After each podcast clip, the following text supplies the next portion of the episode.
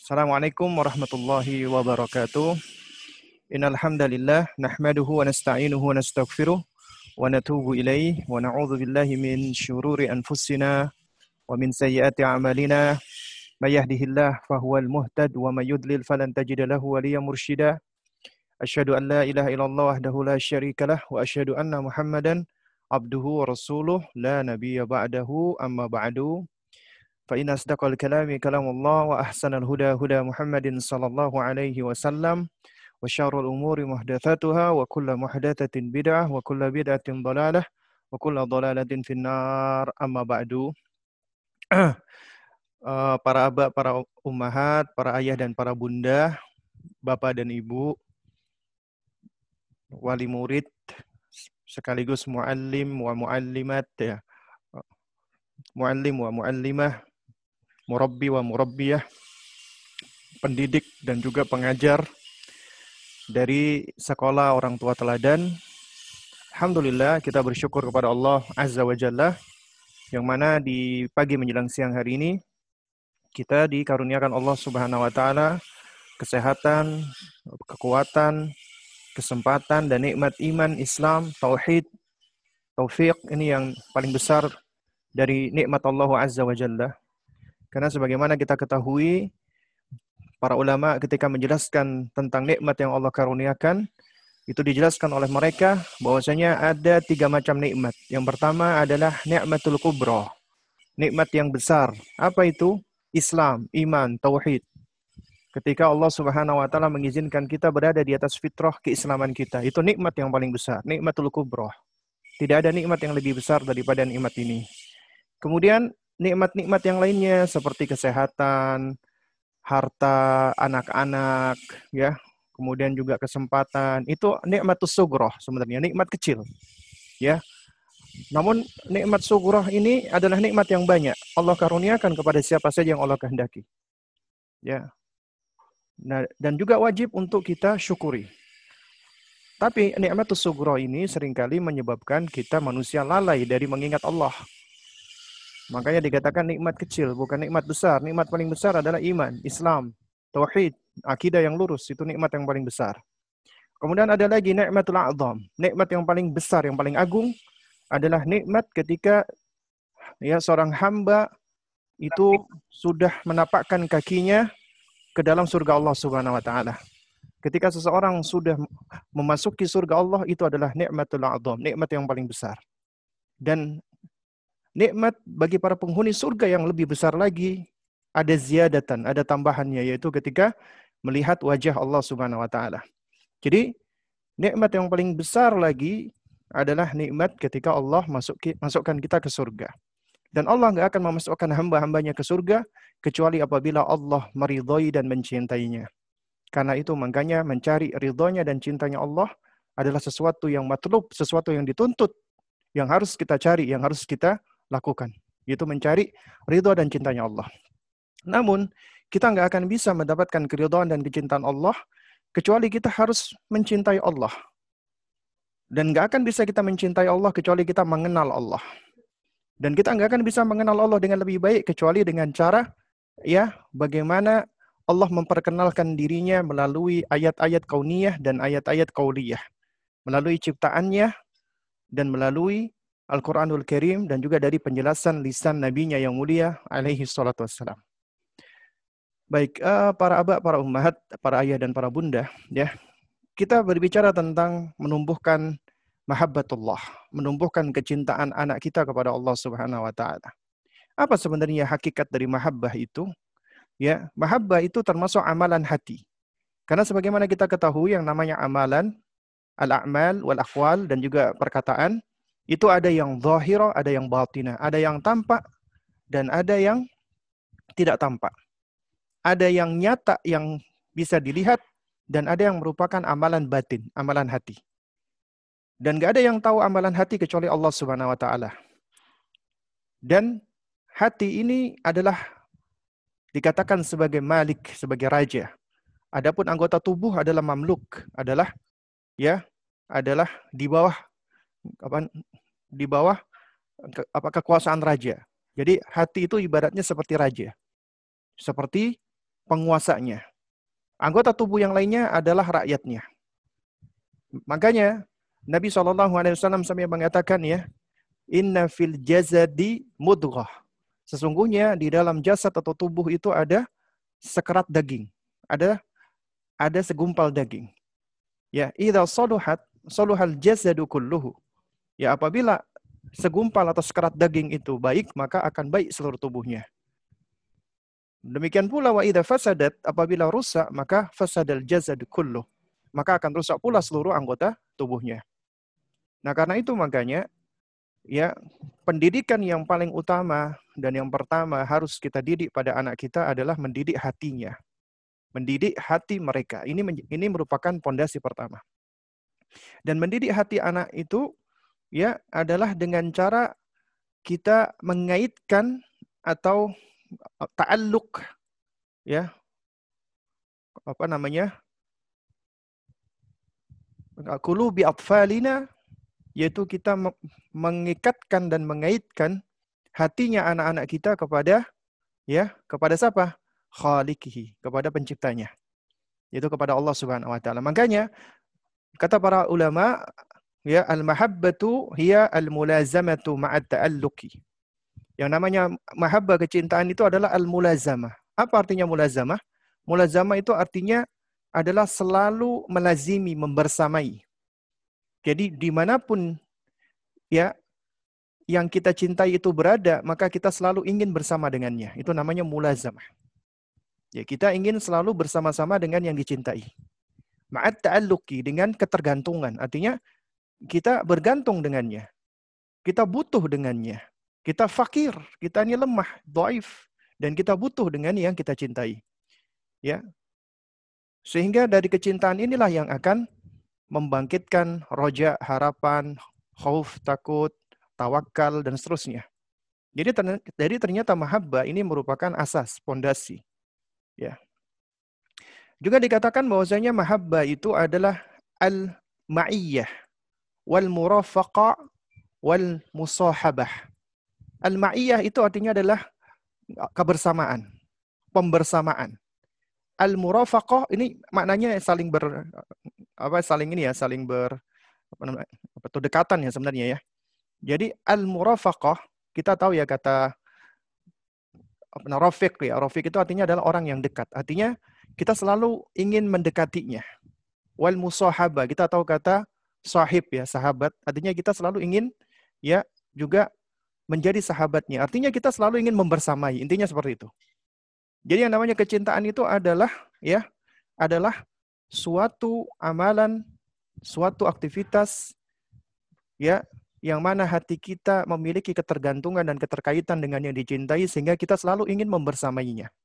Kita selalu ingin bersama dengannya. Itu cinta. Makanya orang yang mencinta, dia selalu ingin bersama dengan yang dicintai. Nah, Karenanya di dalam sebuah hadis ketika ada seorang badui datang, eh, seorang A'rabi datang kepada Rasulullah, dia bertanya, "Mata taqumus sa'ah?" Ya apa Rasulullah, "Mata taqumus sa'atu?" Kapan hari kiamat itu datang? Kapan hari kiamat itu tiba? Wahai Rasulullah, Nabi Shallallahu Alaihi Wasallam bertanya, ya Ma'adat apa yang sudah kamu persiapkan untuk menghadapinya? Kamu ini sudah mempersiapkan apa untuk menghadapi hari kiamat? Kok kamu nanya kapan hari kiamat itu datang? Seakan-akan seperti itu. Apa yang sudah kamu siapkan? Maka orang ini menjawab ya, intinya ya, aku tidak punya persiapan. Artinya dia sholat, sholat biasa, ibadah-ibadah biasa, kecuali bahwasanya aku mencintai Rasulullah. Aku mencintai Anda, wahai apa Rasulullah. Ya, kecuali kecintaanku kepadamu. Kemudian Nabi menjawab, Al-mar'u ma'aman ahabba. Seseorang itu akan dibangkitkan bersama dengan orang yang dia cintai. Nah, artinya orang yang mencintai itu selalu menginginkan bersama dengan yang dicintai. Demikian pula Anda, wahai orang tua. Anda, wahai para, para ayah. Anda, wahai para ibu Ketika Anda mencintai suami Anda atau istri Anda, pasangan Anda, ketika Anda mencintai anak-anak Anda, maka tentunya Anda menginginkan kebersamaan tersebut selalu terjadi di dunia yang fana ini, yang singkat ini, apalagi di akhirat yang merupakan darul qarar, tempat kita berdiam untuk selamanya. Imma fil jannah atau imma fil nar. Wa nas'alullah assalamu afiyah. Ya, yaitu entah kita di surga atau di apa namanya neraka. Apabila Anda cinta dengan keluarga Anda, pasangan Anda, maka Anda selalu ingin supaya Anda bisa bersama dengannya. Terutama bisa bersama di akhirat atau di surga Allah Subhanahu wa taala kelak. Ya. Para abad dan para ummahat yang dimuliakan Allah Subhanahu wa taala, makanya dikatakan fal muhibbu ya yataqallabu qalbuhu bainal khaufi war raja. Ini penting ini. Orang yang mencinta hatinya itu selalu berbolak-balik antara takut harap takut harap takut harap. Makanya pilarnya ibadah menurut ahlu sunnah wal jamaah itu ada tiga. Mahabbah, khauf, dan roja. Cinta, takut, dan harap. Ya, Ini kalau nggak salah sudah kita bahas ya. Uh, nggak salah lupa ya apakah di kajian kita, orang tua teladan atau yang lainnya. Bahwasanya pilarnya ibadah ahlu sunnah ada tiga. Mahabbah, khauf, dan roja. Cinta, takut, dan harap. Tapi kata Ibnu Taimiyah rahimahullahu taala, yang menjadi pondasi, yang menjadi landasan itu adalah al-mahabbah cinta. Itu pondasinya, landasannya. Kenapa? Karena dari mahabbah ini, di situ akan muncul, akan bangkit yang namanya takut dan harap. Kenapa demikian? Karena orang yang mencinta, dia itu akan memunculkan dari dalam dirinya perasaan harap. Roja. Mengharapkan supaya cintanya berbuah cinta. Mengharapkan supaya dia mendapatkan balasan cinta dari yang dia cinta. Dia menginginkan agar yang dia cintai itu merasa ridho, merasa senang, merasa gembira dengan cintanya. Artinya, cinta itu harus ada buktinya. Dan di situ ada harapan. Orang yang mencinta, dia ingin supaya cintanya mendapatkan balasan. Demikian pula orang yang mencinta itu memiliki rasa khauf, takut dari yang dicinta. Yang yang dia cintai itu malah tidak menyukai apa yang dia lakukan membencinya bahkan mur murka. Ini orang yang mencinta takut. Contohnya misalnya kita bicara ya cinta kita dengan uh, apa sesama manusia, cinta yang bersifat apa tobi'i. Kita cinta sama pasangan kita. Seorang suami mencintai istrinya misalnya. Kalau dia mencintai istrinya, maka di dalam dirinya sebenarnya cintanya akan memunculkan rojak dan khauf. Harap, harap supaya istrinya mencinta dirinya balik mencintai balik dirinya. Takut apabila istrinya tidak mencintai dirinya. Dia mengharap supaya istrinya gembira, senang. Dia takut ya ketika istrinya tidak suka, marah atau sebel. Ini ini adalah konsekuensi daripada cinta. Ya. Makanya juga dikatakan fal muhibbu yataqallabu qalbuhu ya baina as-sakinah wal qalqi. Ya antara ketenangan as-sakinah itu adalah tenang, mantap dan menjadi apa namanya? Uh, menjadi berubah-ubah. Ya. Orang yang mencinta itu dirinya akan dipenuhi kadang-kadang dia akan menjadi tenang, kadang-kadang dia menjadi gelisah, galau. Ini adalah konsekuensi. Ya, konsekuensi rasa cinta umumnya seperti itu. Was surur wasururi wal hazani. Ya, yaitu uh, dengan kegembiraan dan juga dengan kesedihan. Dia gembira apabila cintanya ya mendapatkan balasan. Dia sedih apabila cintanya tidak mendapatkan balasan. Ya. Makanya dikatakan oleh para ulama ahli lughah, orang yang mencinta itu hatinya senantiasa berubah-ubah antara harap dan takut, antara tenang dan gelisah, antara gembira dan sedih. Adapun amma man mata qalbuhu, adapun orang yang mati hatinya, ya. Ya, adapun orang yang hatinya mati, ya, maka taskunu ahwaluhu. Maka kondisinya itu akan selalu apa statis ya, artinya tidak berubah-ubah.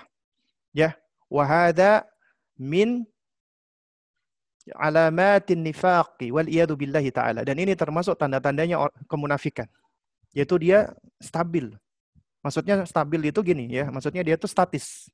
Hatinya tidak tidak ini tidak tidak apa namanya berubah-ubah gitu loh.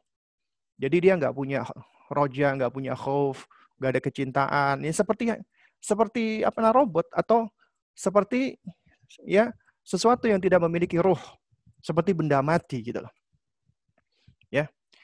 Di dalam surat Maryam, Allah Subhanahu wa taala berfirman ya, "Innal ladzina amanu wa 'amilus solihati sayaj'alu lahumur rahmanu wuddah." Kata Allah Subhanahu wa taala, sesungguhnya orang-orang yang beriman dan beramal soleh. Nah, ini perhatikan, ada dua syarat di sini. Iman dan amal soleh. Iman nggak mungkin akan benar, akan lurus iman tersebut kecuali harus harus diawali dengan ilmu. Artinya ilmu harus dikedepankan terlebih dahulu agar iman itu bisa benar. Karena orang yang membangun imannya tanpa ilmu, bisa jadi imannya adalah iman yang berangkat dari apa? Dari kepercayaan buta, mengikuti nenek moyangnya. Karena itu makanya iman, al-iman di dalam Islam harus diawali dengan ilmu. Ilmu yang berangkat dari Al-Quran dan Sunnah. Karena masalah keimanan nggak boleh lepas dari dalil Al-Quran dan Sunnah. Sedangkan Al-Quran dan Sunnah adalah ilmu yang paling bermanfaat. Karena itu makanya orang-orang yang beriman, artinya orang-orang yang mereka memiliki ilmu, wa solihat, dan mereka beramal soleh, ya, itu Allah akan berikan apa? Allah akan berikan saya ja'alu ya lahumur rahmanu wuddah. Ya, kelak Allah yang Maha Rahman, yang Maha Pemurah akan menanamkan di dalam hati mereka itu wudda, rasa kasih sayang. Ya. Akan menanamkan kasih sayang. Ya. Syekh Abdurrahman bin Nasir As-Sa'di ya. Jadi ya beliau adalah seorang ahli tafsir ya kontemporer ya, gurunya Syekh Muhammad bin Shalih Al-Utsaimin rahimahullah taala. Ya menurut guru kami yaitu uh, apa Ustadzuna Abdurrahman bin ya. Itu Abdul Karim Atamimi. Ya beliau adalah salah satu guru kami yang yang paling senior ya. Ustadz Abdurrahman bin Abdul Karim uh, apa At-Tamimi ya, itu Syekh Abdurrahman bin Nasir. Itu nisbat beliau ya, itu yang lebih tepat dibaca As-Sa'di. Meskipun banyak yang menyebut dengan dengan apa dengan sebutan As-Sa'di. Ya, cuman menurut beliau yang lebih tepat adalah As-Sa'di. Ya Syekh Abdurrahman bin Nasir apa nama As-Sa'di Semoga Allah merahmati beliau ketika menafsirkan ayat ini beliau mengatakan ya al-wadudul ladzi yuhibbu anbiya'ahu wa apa rusulahu wa atba'ahum ya wa yuhibbunahu. Allah al-wadud. Al-wadud artinya Allah yang maha mencinta. Allah yang maha menyayangi. Allah itu al-muhib, al-wadud. Allah itu maha maha menyayangi, maha mencintai Allah Subhanahu wa taala. Ya. Itu Allah mencintai para nabinya, Allah mencintai para rasulnya dan Allah mencintai pengikut nabi dan rasulnya. Dan tentunya kita ingin menjadi apa? Orang-orang yang dicintai Allah. Makanya orang-orang yang dicintai Allah adalah orang-orang yang mengikuti mereka-mereka yang Allah cinta, yaitu para nabi dan para rasul. Kalau Anda ingin dicintai Allah, maka maka ikutilah para nabi dan para rasul. Makanya di dalam ayat yang lain Allah mengatakan kul in kuntum uh, apa namanya tuhibbunallaha fattabi'uni yuhibbukumullah wa yaghfir lakum dzunubakum. Katakanlah wahai Muhammad, ya, apabila kalian ya wahai manusia itu mengaku mencintai Allah, maka fattabi'uni, ikutilah aku Rasulullah Muhammad bin Abdullah sallallahu alaihi wa alihi wasallam. Yuhibbukumullah, Allah akan mencintai kalian. Bahkan wa yaghfir lakum dzunubakum, Allah akan mengampuni dosa-dosa kalian. Makanya dikatakan al-wadudul ladzi yuhibbu anbiya'ahu wa rusulahu wa atba'ahum ya Allah Subhanahu wa taala Al-Wadud itu mencintai para nabi, rasul dan pengikutnya. Wa yuhibbunahu dan mereka para nabi, para rasul dan pengikutnya nabi dan rasul ini mencintai Allah. Fahuwa ahabbu ilaihim min kulli syai'in. Dan Allah itu lebih mereka cintai daripada segala apa pun di muka bumi ini, di dunia ini atau apa pun di semesta ini. Allah, mereka lebih mencintai Allah. Ya, qad imtala'at qulubuhum min mahabbatihi hatinya itu dipenuhi, hati mereka itu dipenuhi dengan kecintaan kepada Allah Subhanahu wa taala. Ya. Wa lahajat alsinatuhum bisana'i alaihi dan lisan-lisan mereka itu sudah terbiasa ya mengucapkan as-sana, kalimat-kalimat sanjungan dan pujian kepada Allah Subhanahu wa taala. Ya. Wan jad, apa namanya jadabat afidatuhum ilaihi. Ya, dan hati mereka, hati mereka, akal mereka, pemahaman mereka itu juga akan dipenuhi dengan wuddan wa ikhlasan wa inabatan min jami'il wujuh. Ya, hati mereka terpikat dengan Allah dengan penuh rasa cinta, keikhlasan dan inabah kembali kepada Allah. Ya, min jami'il wujuh dari segala sisi atau segala aspek. Ya. Nah, oleh karena itu, para abah dan para ummahat yang dimuliakan Allah Subhanahu wa taala, ya, maka sesungguhnya ketika kita ini diciptakan di muka bumi ini, ya, maka kita semua tahu ya, tidak lain yang tidak bukan adalah untuk beribadah. Dan ibadah itu pondasinya adalah karena kita cinta kepada Allah. Karena apabila kita mencintai Allah, maka ketika kita diperintah Allah untuk ibadah, kita akan melakukannya dengan senang hati. Karena kita ingin selalu bersama dengan Allah. Dan Allah memberikan fasilitas kita untuk bisa membersamainya di dunia ini dengan ibadah.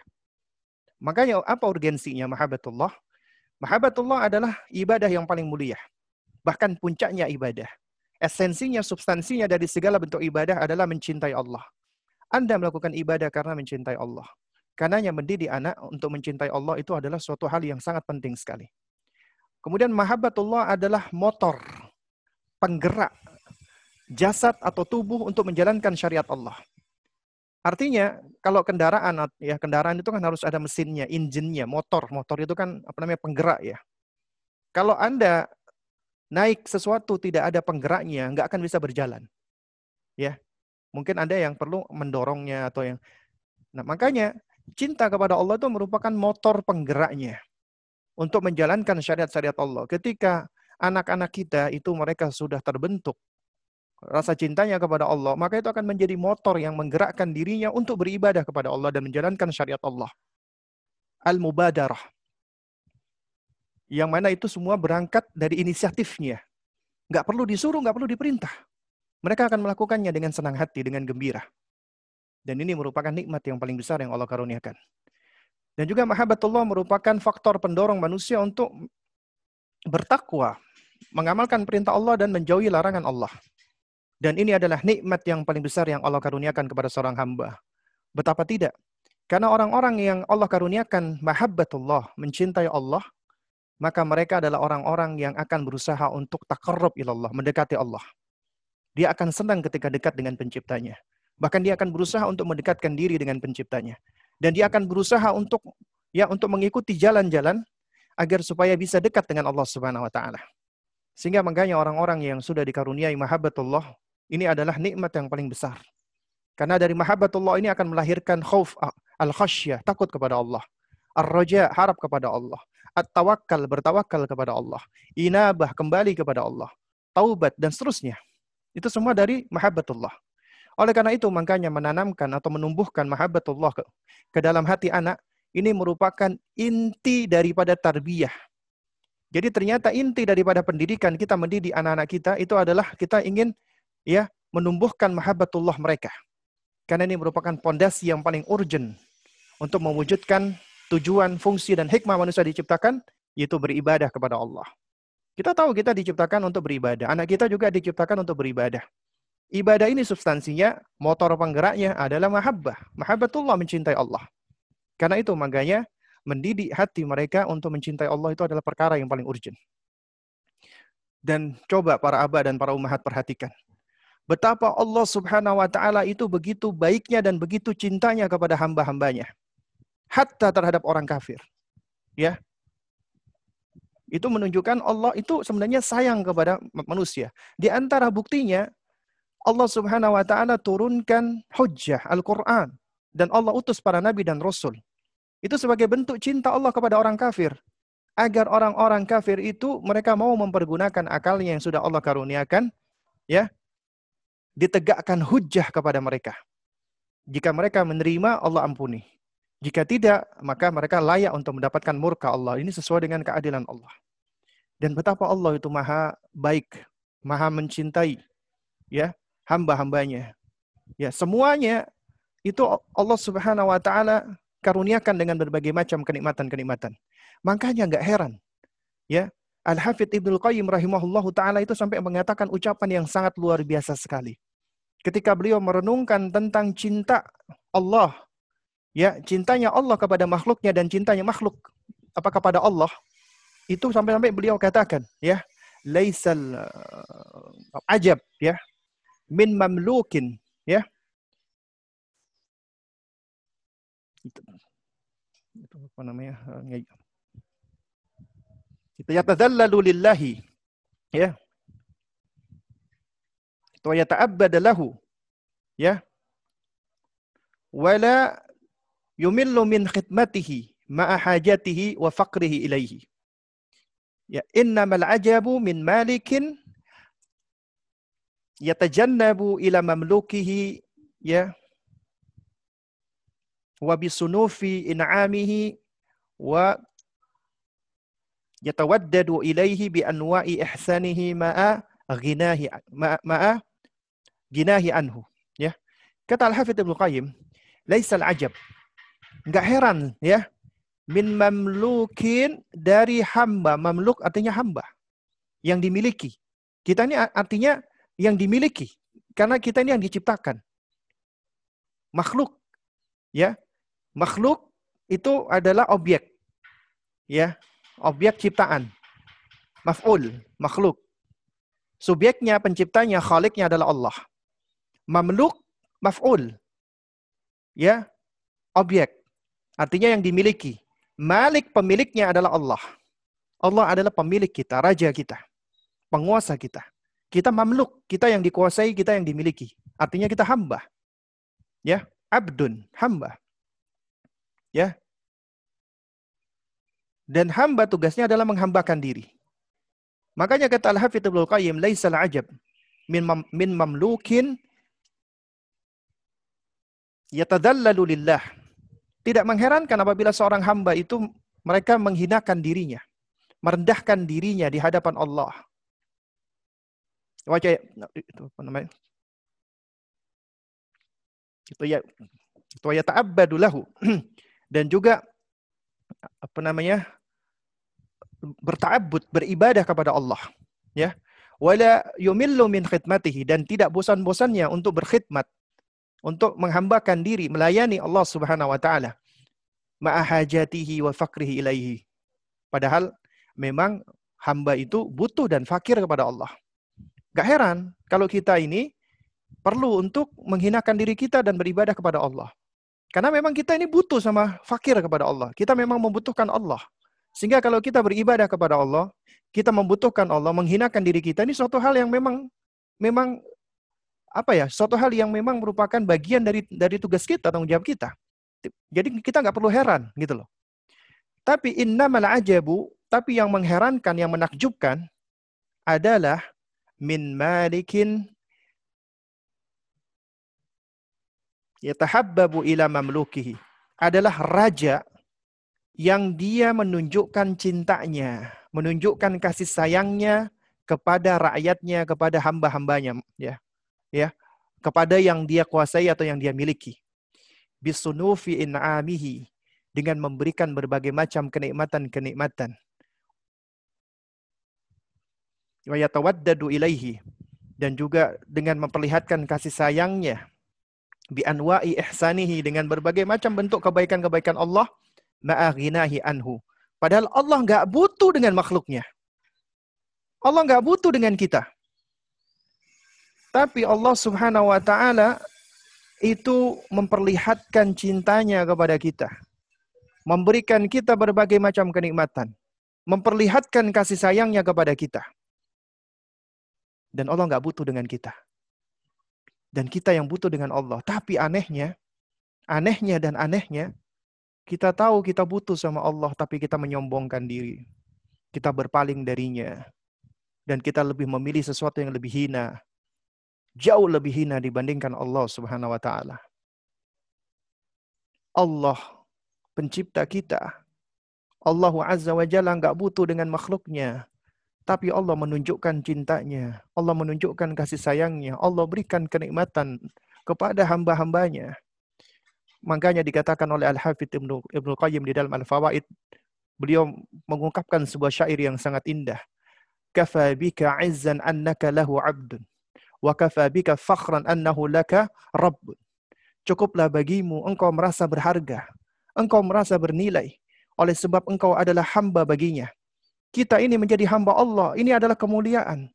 Karena kita adalah hamba pencipta kita. Hamba bagi Allah yang memberikan kita segala bentuk kebaikan. Sehingga kita ketika kita ya mengatakan diri kita adalah hamba Allah, ini kemuliaan. Tapi ternyata banyak manusia yang lebih senang menghambakan dirinya kepada makhluk yang lainnya. Menyembah kuburan, bahkan ya seakan-akan mereka ya apa namanya menganggap diri mereka itu nggak butuh dengan Allah. Mereka mempertuhankan hawa nafsu mereka. Mereka lebih mendahulukan dunia mereka. Wa kafabika fakhran annahu laka rabbun. Dan cukuplah engkau merasa bangga, berbangga hati, bangga diri. Boleh dalam hal kebaikan bahwasanya Allah adalah Rabbmu, Allah adalah penciptamu. Kita bangga, kita diciptakan oleh Allah. Kita merasa berharga bahwasanya kita adalah hamba Allah. Ini ucapan yang sangat indah sekali dari Al-Hafidh Ibnu Qayyim rahimahullah taala. Ya. Dan beliau juga rahimahullah taala di sini juga beliau apa namanya mengatakan ya, laisal ajib min qawlihi yuhibbunahu. Innamal ajab min qawlihi yuhibbuhum. Ini penting sekali. Beliau mengatakan tidaklah mengherankan ya ketika kita kita mendengarkan perkataan yuhibbunahu, mereka mencintai Allah. Hamba-hamba itu mencintai Allah. Itu biasa, tidak mengherankan. Wa innamal ajab yang menakjubkan adalah min qawlihi ketika Allah mengatakan yuhibbuhum. Allah mencintai mereka. Allah cinta dengan mereka. Ya. Laisal ajab min fakirin miskin yuhibbu muhsinan ilaihi. Tidak mengherankan apabila ada seorang fakir miskin mencintai orang yang berbuat baik kepadanya. Ada fakir miskin, nggak punya apa-apa. Kemudian ada orang yang baik, dia diberikan kebutuhannya, dipenuhi kebutuhannya, dikasih makan, dikasih baju, dikasih rumah. Sayangnya fakir miskin ini kepada orang yang berbuat baik kepadanya. Itu nggak mengherankan. Ya. Innamal ajab ya min muhsin yuhibbu fakiran miskinan. Yang menakjubkan adalah seorang yang muhsin, yang berbuat baik, dia kaya raya, dan dia mencintai yang fakir miskin. Subhanallah. Jadi kalau ada manusia dia mencintai Allah, itu sebenarnya memang kewajibannya. Bukan suatu hal yang yang yang apa? Yang mengagumkan tidak. Yang mengagumkan adalah apabila yang maha kaya raya ini nggak butuh dengan kita, nggak butuh dengan hambanya, mencintai hambanya, menyayangi hambanya, memberikan segala bentuk kenikmatan-kenikmatan yang ada. Tapi ternyata banyak di antara manusia itu yang lalai. Banyak di antara kita itu yang lupa. Banyak di antara kita itu yang sombong. Makanya dikatakan oleh Ba'dul Arifin, ya, sebagian orang-orang yang ahli hikmah, mengatakan, Laisa sya'an an tuhibba walakinna sya'na an tuhabba. Gak penting kamu mengklaim kamu itu mengaku-ngaku cinta, gak penting itu. Yang paling penting adalah kamu itu dicinta mendapatkan balasan cinta. Itu yang paling penting. Itu yang paling penting. Makanya dikatakan laisal muhim an tuhibballah li'annahu yuhibbul amim. Ya. Ya. Li'annahu yuhibbu li'amimi ihsanihi wa azimi karamihi wa judihi. Gak penting kamu itu ngaku mencintai Allah karena Allah itu ya. Ya li'annahu apa namanya yuhab. Karena Allah memang dicinta layak untuk dicinta. Li amimi ihsanihi karena kebaikan-kebaikan Allah kemuliaan-kemuliaan Allah kebaik apa kedermawanan kedermawanan Allah. Walakin al muhim ya wal aham an yuhibbukallah. Ini penting walakin al muhim tapi yang penting wal aham bahkan lebih penting lagi an yuhibbakallah. Allah mencintai kamu. Allah menyayangi kamu.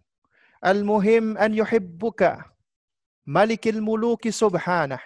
Yang paling penting adalah engkau dicinta oleh Malikul Muluk, raja di raja subhanahu wa ta'ala.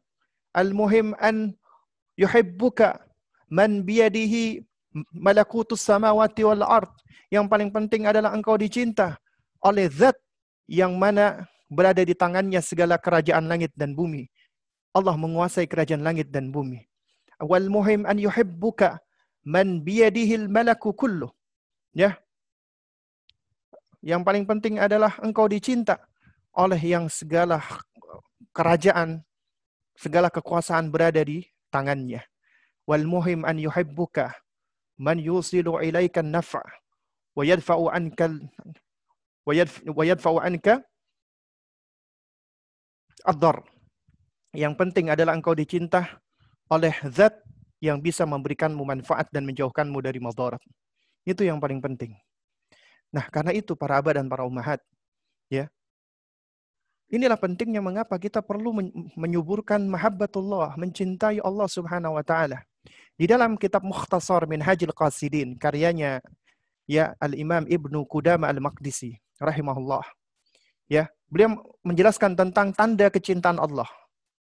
Ada alamat, ada tanda-tanda kecintaan Allah. Kata beliau, wa min akwal alamat. Di antara tanda yang paling kuat, di antara tanda yang paling ya, yang paling besar pengaruhnya adalah husnul tadbiri lahu. Ya. Yurabbihi minat tufula ala ahsani nizam. Coba perhatikan ini. Di antara tanda kecintaan Allah yang paling kuat, yang paling besar adalah Allah husnul tadbiri lahu. Allah mengatur dengan sebaik-baik pengaturan kepada hambanya. Yurabbihim minat tufula. Allah atur, Allah jaga, Allah didik minat tufula dari kanak-kanak ala ahsani nizam dengan aturan yang paling baik. Wa yaktubul imana fi qalbihi dan Allah menetapkan keimanan di dalam hatinya. Ya, wa yunawwiru lahu aqlahu dan Allah berikan cahaya akalnya. Allah apa terangi akalnya dengan cahaya. Ya. Fayattabi'u kullama yuqarribuhu. Sehingga dia pun mau mengikuti apa segala jalan yang dapat mendekatkan dirinya kepada Allah. Wa yanfiru an kulli ma yub'adu anhu dan dia akan menjauhi semua apa yang dapat menjauhkan dirinya dari Allah. Thumma yatawallahu ya bitaisiri umurihi. Kemudian apa? Allah Subhanahu wa taala akan mengkaruniakan kepadanya Allah mudahkan semua urusannya. Min ghairi dhullin lil khalqi. Yaitu tanpa menghinakan dirinya di hadapan makhluknya. Ya. Wa apa namanya yusaddidu dhahirahu wa batinahu dan Allah akan berikan apa, apa kelurusan. Allah akan luruskan zahirnya dan batinnya. Wa yaj'alu hammahu wahidan dan Allah akan menjadikan obsesinya hanya satu saja.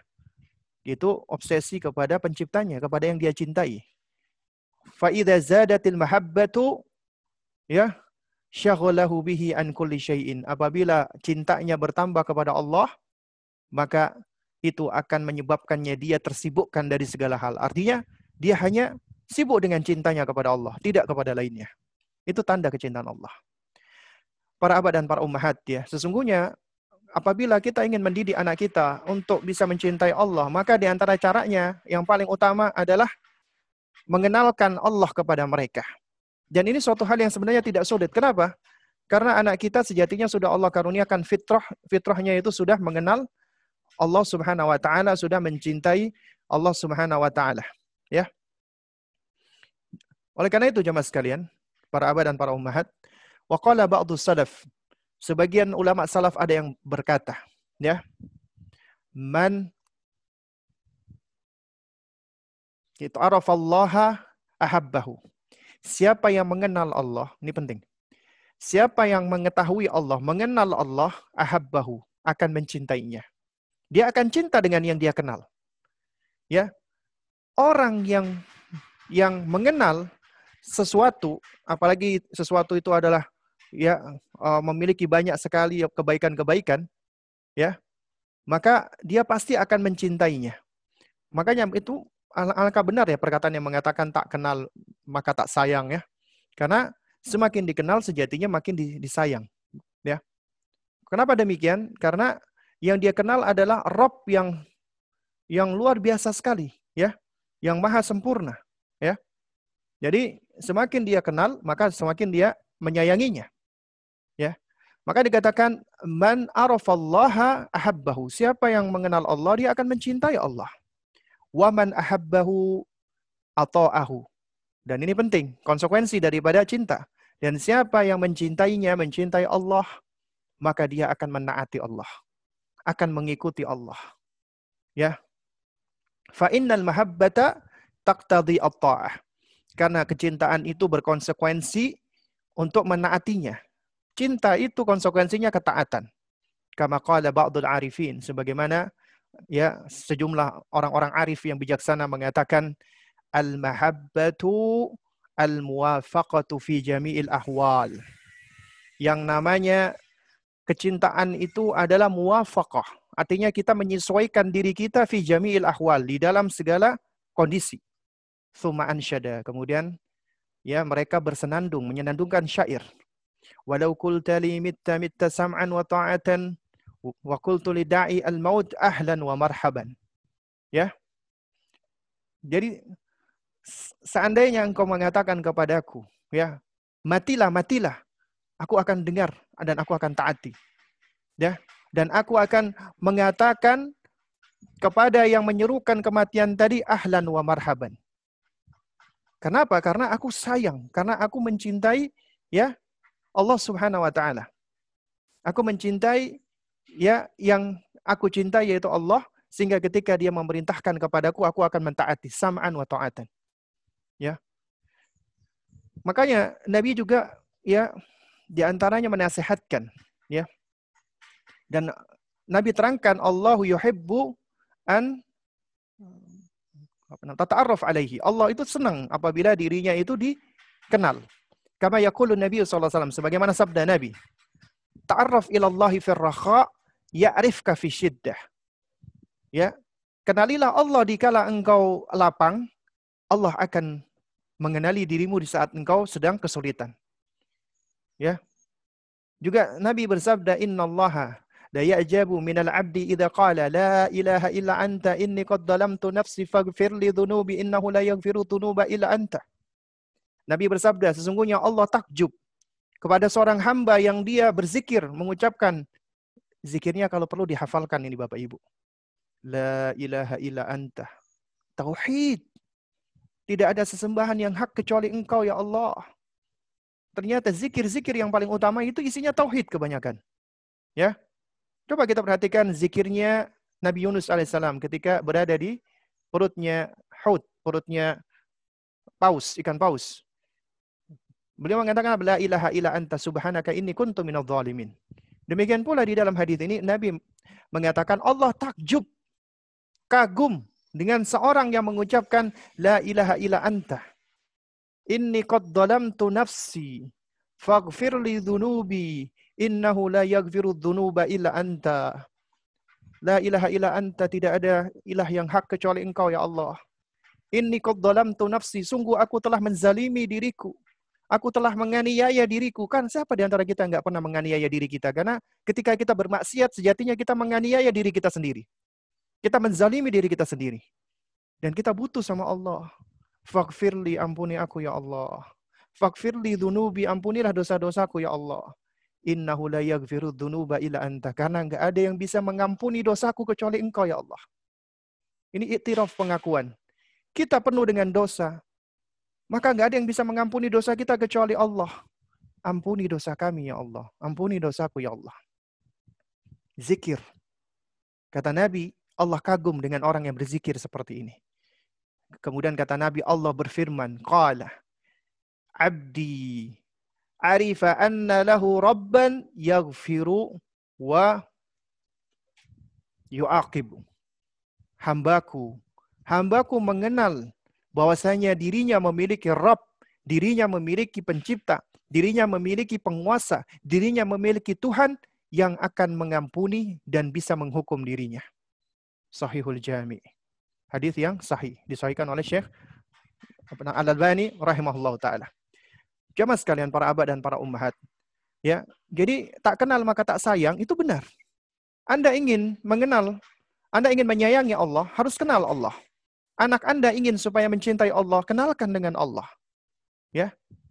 Karena di dalam sebuah idiom Arab, di dalam sebuah proverb Arab ya dikatakan al-insanu aduwwu ma yajhalu. Manusia itu musuh terhadap apa yang tidak dia ketahui.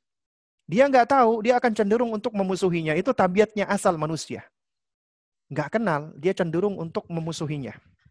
Makanya banyak orang-orang yang tidak suka dengan Wahabi, dengan sebutan-sebutan Wahabi, karena mereka sebenarnya banyak yang nggak tahu tentang hakikat daripada Wahabi. Ya, ya. Nah, jadi zaman sekalian, ya. Uh, ini ada ucapan yang sangat bagus sekali dari Syekh Muhammad bin Saleh Al Utsaimin. Semoga Allah merahmati beliau. Ya, beliau mengatakan, ya, kullama Nah, ta'arrafal mar'u ala rabbih akthar kullama amalahu bisurati afdal. Bagus sekali ucapan ini. Ya. Kullama ta'arraf al-mar'u ala rabbih akthar. Setiap kali seorang seseorang itu semakin mengenal Tuhannya, semakin dia mengenal penciptanya, semakin dia mengenal Allah Subhanahu wa taala, maka kullama amalahu bisurati afdal maka akan akan semakin eh, akan semakin baik pula ya dia ketika berinteraksi apa kepada Robnya. Itu akan lebih akan lebih afdol lagi akan lebih utama lagi akan lebih baik lagi interaksinya kepada penciptanya. Wa kullama jahilal abdu rabbahu. Dan ya setiap kali seorang hamba itu nggak tahu tentang Tuhannya bodoh. Dia nggak ngerti nggak kenal Tuhannya kullama ibta'adat muamalatuhu lahu an surati matlubah. Maka akan semakin jauh interaksinya dengan cara interaksi yang dituntut, dengan cara interaksi yang baik. Artinya dia akan semakin jauh. Ya. Bagaimana caranya dia berinteraksi terhadap Tuhannya. Ya. Kemudian Syekh Utsaimin menutup dengan firman Allah Subhanahu wa taala, "Wa ma Qadarullah haqqa qadrihi. Ya. Di dalam dalam surat Az-Zumar ayat 67 ya. Wa ma qadarullah haqqa qadrihi. Mereka tidak memuliakan Allah dengan pemuliaan yang sebenar-benarnya, yaitu orang-orang bodoh. Orang-orang bodoh itu mereka nggak bisa memuliakan Allah dengan pemuliaan yang sebenar-benarnya. Jamaah sekalian rahiman rahimakumullah. Ini adalah uh, sebenarnya slide yang sudah pernah kita bahas ya. Kita memang manusia secara asal diciptakan Allah itu bodoh. Innahu kana zaluman jahulah. Manusia itu diciptakan secara asal itu jahil. Gak punya ilmu, bodoh. Tapi kemudian Allah karuniakan kepada kita instrumen, alat-alat supaya kita bisa punya ilmu. Sebagaimana dalam surat An-Nahl ayat 78, Wallahu akhrajakum min butuni ummahatikum la ta'lamuna syai'ah. Allah keluarkan kamu dari rahim ibu kamu dalam keadaan kamu bodoh, jahil, nggak punya ilmu sedikit pun. Ya. Makanya di dalam uh, sebuah syair dikatakan ta'allam ya belajar ya belajar belajarlah ya ya ta'allam laisal mar'u yuladu aliman belajarlah karena nggak ada seseorang itu yang dia sudah dilahirkan dalam keadaan berilmu nggak ada Walaisa akha ilmin kaman huwa jahil. Dan tidaklah dikatakan dia orang yang bersaudara dengan ilmu, artinya dia orang yang memiliki ilmu ketika dia itu bodoh, ketika dia itu jahil. Ya. Makanya perlu belajar. Makanya di dalam sebuah riwayat dikatakan al ilmu bita'allum. Ilmu itu diperoleh diperoleh dengan cara belajar. Karena Allah sudah berikan kepada kita instrumen buat belajar. Anak kita juga sama. Diberikan asam wal absar wal afidah, pendengaran, penglihatan dan pemahaman. Untuk apa? La'allakum tashkurun. Agar kalian bersyukur. Tapi ternyata banyak manusia yang yang nggak mau bersyukur. Wa huwa alladhi ansha'alakumus sam'a wal absara wal af'idah. Dalam surat Al-Mu'minun ayat 78 atau dalam surat Ghafir ayat 78. Dialah Allah yang menciptakan bagimu pendengaran, penglihatan dan akal pemahaman.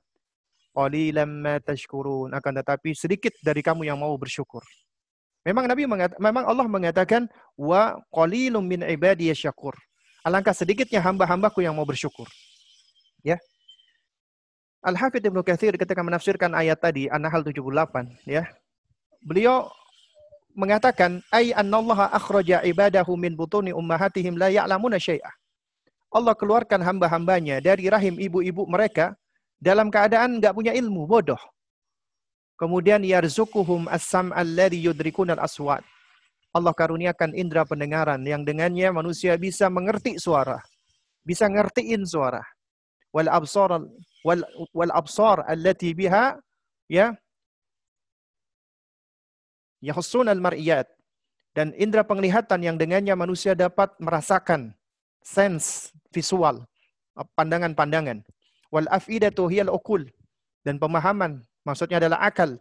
Allati yumayyizu biha bainal asya'i dhariha wa nafi'iha yang dengan akal itu dia bisa mentamyiz, memilah-milah, membagi-bagi, mengklasifikasi mana yang bahaya dan mana yang tidak bahaya. Wahadihil kuwa wal hawas. Ya. Menatahassal al in penatahassal eh, lil insani ala tadriji qalilan qalilan. Dan potensi kekuatan dan indera ini diperoleh manusia secara bertahap, berangsur-angsur, sedikit demi sedikit, berkembang sedikit demi sedikit. Jadi ini perhatikan, ya ini ini termasuk hikmah. Anak-anak Anda itu memiliki kemampuan ini tapi berkembang sedikit demi sedikit. Ya, kullama kabira zida fi sam'ihi wa basarihi wa aqlihi hatta yablugha ashuddah. Setiap kali semakin bertambah usianya, semakin gede dia, semakin bertambah pula kemampuan indera-inderanya ini. Semakin bertambah kemampuan pendengarannya, penglihatannya dan pemahamannya atau akalnya sampai dia semakin dewasa. Wa inna ma ja'ala wa inna ma ja'ala ta'ala hadhihi al-insan liyatamakkan biha min ibadati rabbih ta'ala. Allah jadikan manusia seperti ini untuk apa? Untuk mengukuhkan mereka di dalam beribadah kepada Allah Subhanahu wa taala. Fayasta'inu bi kulli jarihati wa adwi wa quwwa ala ta'ati maulah. Dan untuk mensupport, mendukung ya anggota tubuh fisik dan kekuatannya untuk menaati sang penciptanya. Ini adalah sangat bagus sekali. Nah, karena itu para abah dan para ummahat, ya perkembangan indera belajarnya anak kita itu bertahap. Ini insya Allah kita sudah pelajari bolak-balik ya. Di usia Sibian, pendengaran yang paling kuat usia tufula, gulam, penglihatan yang paling kuat, 2 sampai 7 tahun ya. Usia yafi ya 7 sampai 10 itu al-aql, apa namanya pemahamannya. Kemampuan kognisinya sudah semakin sempurna. Kemudian baru usia 10 ke atas, balik ya usia murahik atau usia apa namanya hazawar itu baru semuanya ini sudah sempurna ya. Nah, tapi ini semua akan diminta pertanggungjawaban oleh Allah. Allah akan meminta pertanggungjawabannya. Semua penglihatan, pendengaran, dan pemahaman kita. Makanya Allah perintahkan kita untuk mempergunakan semua instrumen ini harus sesuai dengan ilmu yang sudah Allah berikan. Makanya Allah mengatakan wala taqfu ma laisa laka bihi ilmun. Janganlah kamu mengikuti sesuatu yang kamu nggak punya ilmunya. Jangan ikuti. Kamu nggak punya ilmu jangan ikuti. Kenapa? Inna sam'a wal basara wal fuad. Karena pendengaranmu, penglihatanmu dan pemahamanmu, akalmu, kullu ulaika kana anhu mas'ula. Semuanya akan dimintai pertanggungjawaban oleh Allah. Makanya ya ilmu dan iman itu adalah saling melekat. Ilmu tanpa iman rusak. Iman tanpa ilmu sesat. Iman harus dibangun di atas ilmu yang sahih. Kalau iman nggak dibangun di atas ilmu, maka itu akan menjadi kepercayaan buta.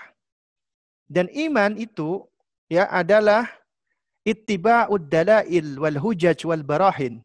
Mengikuti dalil-dalil hujah-hujah dan burhan argumentasi Artinya keimanan itu harus ada dalilnya, harus ada hujahnya. Anda nggak bisa mengimani sesuatu, meyakini sesuatu kalau nggak ada dalilnya.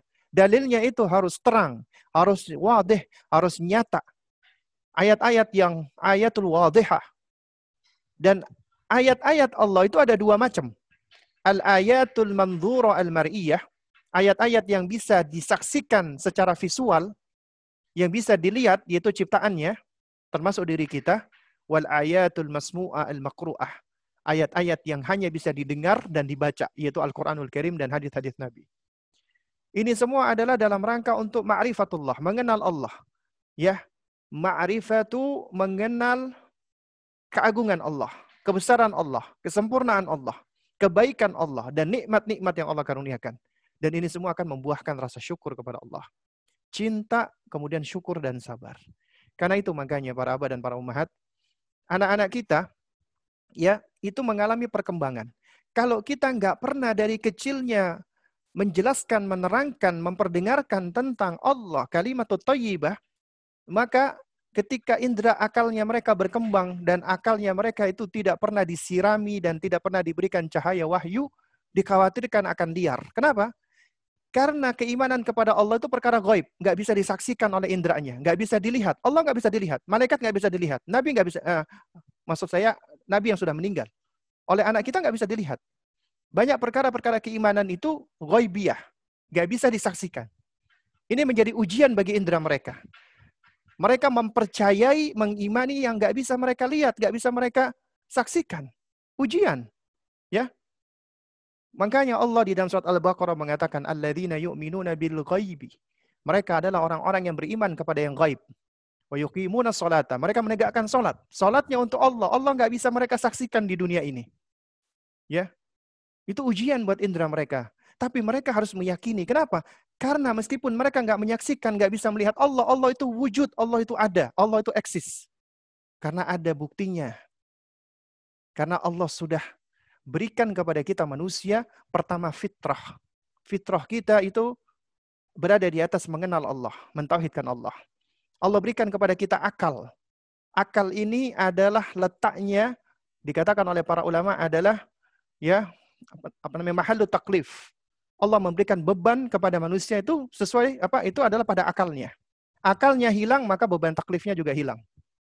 Ya makanya anak-anak itu terangkat pena darinya hatta yahtalima sampai mereka itu balik sampai mereka dewasa. Ya, Makanya jangan heran para abah dan para umahat. Kalau misalnya ada di antara anak-anak kita yang nggak pernah kita ajarkan tentang keimanan, tentang akidah sahiha, akhirnya akalnya liar. Muncul pertanyaan-pertanyaan yang aneh-aneh. Abi, Umi, yang menciptakan Allah itu siapa? Allah menciptakan manusia, terus Allah diciptakan siapa? Akalnya berusaha untuk menalar sesuatu yang nggak bisa dinalar oleh akal sehat. Abi, Umi, Allah itu bagaimana? Bentuknya, bagaimana? Ya ini memang akhirnya akal. Oleh karena itu makanya akal-akal yang yang yang seperti ini itu harus diluruskan, harus di harus di apa harus disinari dengan cahaya wahyu dari Allah Subhanahu wa taala dan dari Rasulullah. Nah, nanti insyaallah akan kita bahas pada kesempatan yang lain ya tentang ini ya. Nah, oleh karena itu dikatakan di apa di dalam tafsir ya tafsir Al-Wajiz ya. Dikatakan mereka itu adalah orang-orang yang membenarkan perkara-perkara yang gaib. Perkara yang gaib yang tidak bisa ditangkap oleh indera mereka dan akal mereka. Ya. Karena itu, karena perkara-perkara gaib itu nggak bisa diketahui kecuali dengan wahyu dari Allah dan juga dari sabda nabinya, dari keterangan Rasulullah SAW. Baik, lantas bagaimana caranya kita mengajarkan mereka ma'rifatullah mengenal Allah Subhanahu wa taala. Ya. Jadi uh, sebenarnya para abah dan para um-, ummahat ya sebelum kita masuk ke sini ya. Sebenarnya itu ada beberapa poin. Ini sebagaimana disebutkan oleh Al-Hafidh Ibnu Rajab Al-Hambali. Al-Hafidh Ibnu Rajab Al-Hambali, beliau itu mem, apa, memiliki risalah tentang mahabbatullah. Itu yang sangat api sekali, sangat bagus sekali. Ya, itu dikumpulkan oleh oleh para ulama oleh oleh para muhakkikin ya di dalam kitab Majmu apa apa ini ya Majmu Astagfirullah, Majmu apa apa Rasail ya, Majmu kumpulan risalah-risalah, Majmu apa Rasailnya Ibnu Rajab. Ya. Ah, di situ ada salah satu uh, kitab judulnya Istinsyak Nasimil Unsi min apa nama itu? Penafakati Riyadil Qudsi. Jadi di situ ada penjelasan beliau tentang mahabbatullah termasuk mahabbat Rasul. Nah, Di antara yang beliau terangkan kiat-kiatnya di dalam risalah beliau ini yang pertama adalah apa? Adalah ya yaitu agar seseorang bisa mencintai Allah ya maka dia harus ya yang pertama adalah mengenal Allah Subhanahu wa taala. Ya, ma'rifatullah wa ma'rifatu ya dan mengenal tentang nama-nama dan sifat-sifat Allah dan termasuk perbuatan-perbuatan Allah yang sempurna. Ya. Dan ini disebutkan Anil Hasan bin Abi Ja'far dari Hasan Al Hasan bin Abi Ja'far beliau berkata, "Ya sami'tu aku pernah mendengarkan Udba Al-Ghulam. Ya, Udba Al-Ghulam yaqul berkata, ya man arafallaha ahabbahu. Wa man ahabballaha ata'ahu. Wa man atau Allah akramahu. Wa man akramahu askanahu fi jawarihi. Wa man askanahu fi jawarihi ya. Fatuba tuba fatuba ya. Nah ini dikatakan di dalam majmu' Rasailnya Al-Hafidh Ibnu Rajab ya beliau menukilkan ya dari Al Hasan bin Abi Ja'far yang mendengarkan dari Utbah Al-Ghulam mengatakan siapa yang mengenal Allah maka dia akan mencintai Allah. Ya. Dan siapa yang mencintai Allah pasti akan menaati Allah. Dan siapa yang menaati Allah maka pasti dia akan memuliakannya. Dan siapa yang memuliakan Allah maka dia akan menempatkan Allah Subhanahu wa taala itu di dalam apa ini di dalam apa hatinya. Maksudnya Allah adalah ya satu-satunya ambisi untuk dirinya. Ya maksudnya obsesi untuk dirinya di dunia ini. Dan siapa yang menempatkan Allah Subhanahu wa taala di dalam hatinya di dalam dirinya maka dia akan beruntung akan beruntung dan akan beruntung. Ya. Bahkan dikatakan oleh oleh Al Hafidh Ibnu Rajab wa tubahu ya falam yazal yaqulu wa tuba wa tuba wa tuba hatta kharra saqitan ya mugshiyan alaihi Ya, dikatakan Utbah al-Ghulam itu mengucapkan kata fatuba fatuba, beruntunglah beruntunglah beruntunglah itu bolak-balik sampai dia tersungkur dan pingsan. Ya, sampai dia apa? Oh, tersungkur dan pingsan. Ya. Kemudian juga ya di antara cara yang kedua setelah uh, ma'rifatullah mengenal Allah dan memperkenalkan tentang nama-namanya Allah, sifat-sifatnya Allah ini nanti insya Allah akan akan ada bahasanya sendiri yaitu yaitu bagaimana kita mengajarkan anak-anak kita tentang tauhidul asma wa sifat. Itu penting sekali. Artinya mengenal Allah itu kita kenalkan empat hal. Yaitu kita kenalkan yang pertama ma'rifatu biwujudillah. Yaitu mengenal keberadaan Allah. Allah itu ada. Dan alhamdulillah ya Kak Erlan juga punya buku ya. Yaitu eh, buku buat anak-anak yaitu tentang mengimani keberadaan Allah. Allah itu ada. Kemudian kemudian ma'rifatu bi apa namanya rububiyatillah yaitu mengenal rububiyahnya Allah. Allah pencipta, Allah pengatur, Allah pemilik, Allah pemberi rezeki, Allah yang menghidupkan dan yang mematikan itu adalah berkaitan tentang rububiyah Allah. Kemudian yang ketiga adalah ma'rifatu bi uluhiyatihi. Gitu mengenal haknya Allah yaitu wajibnya hamba beribadah hanya kepada Allah. Artinya kita harus beribadah kepada Allah. Baru kemudian ma'rifatu bi asma bi, bi asma bi apa bi asmaillahi al husna. Itu kita mengenalkan anak-anak kita tentang nama-nama Allah yang indah wa, wa apa nama sifatihi al-ulya dan sifat-sifatnya yang mulia dan juga wa af'alihi dan perbuatan-perbuatan Allah yang juga sempurna.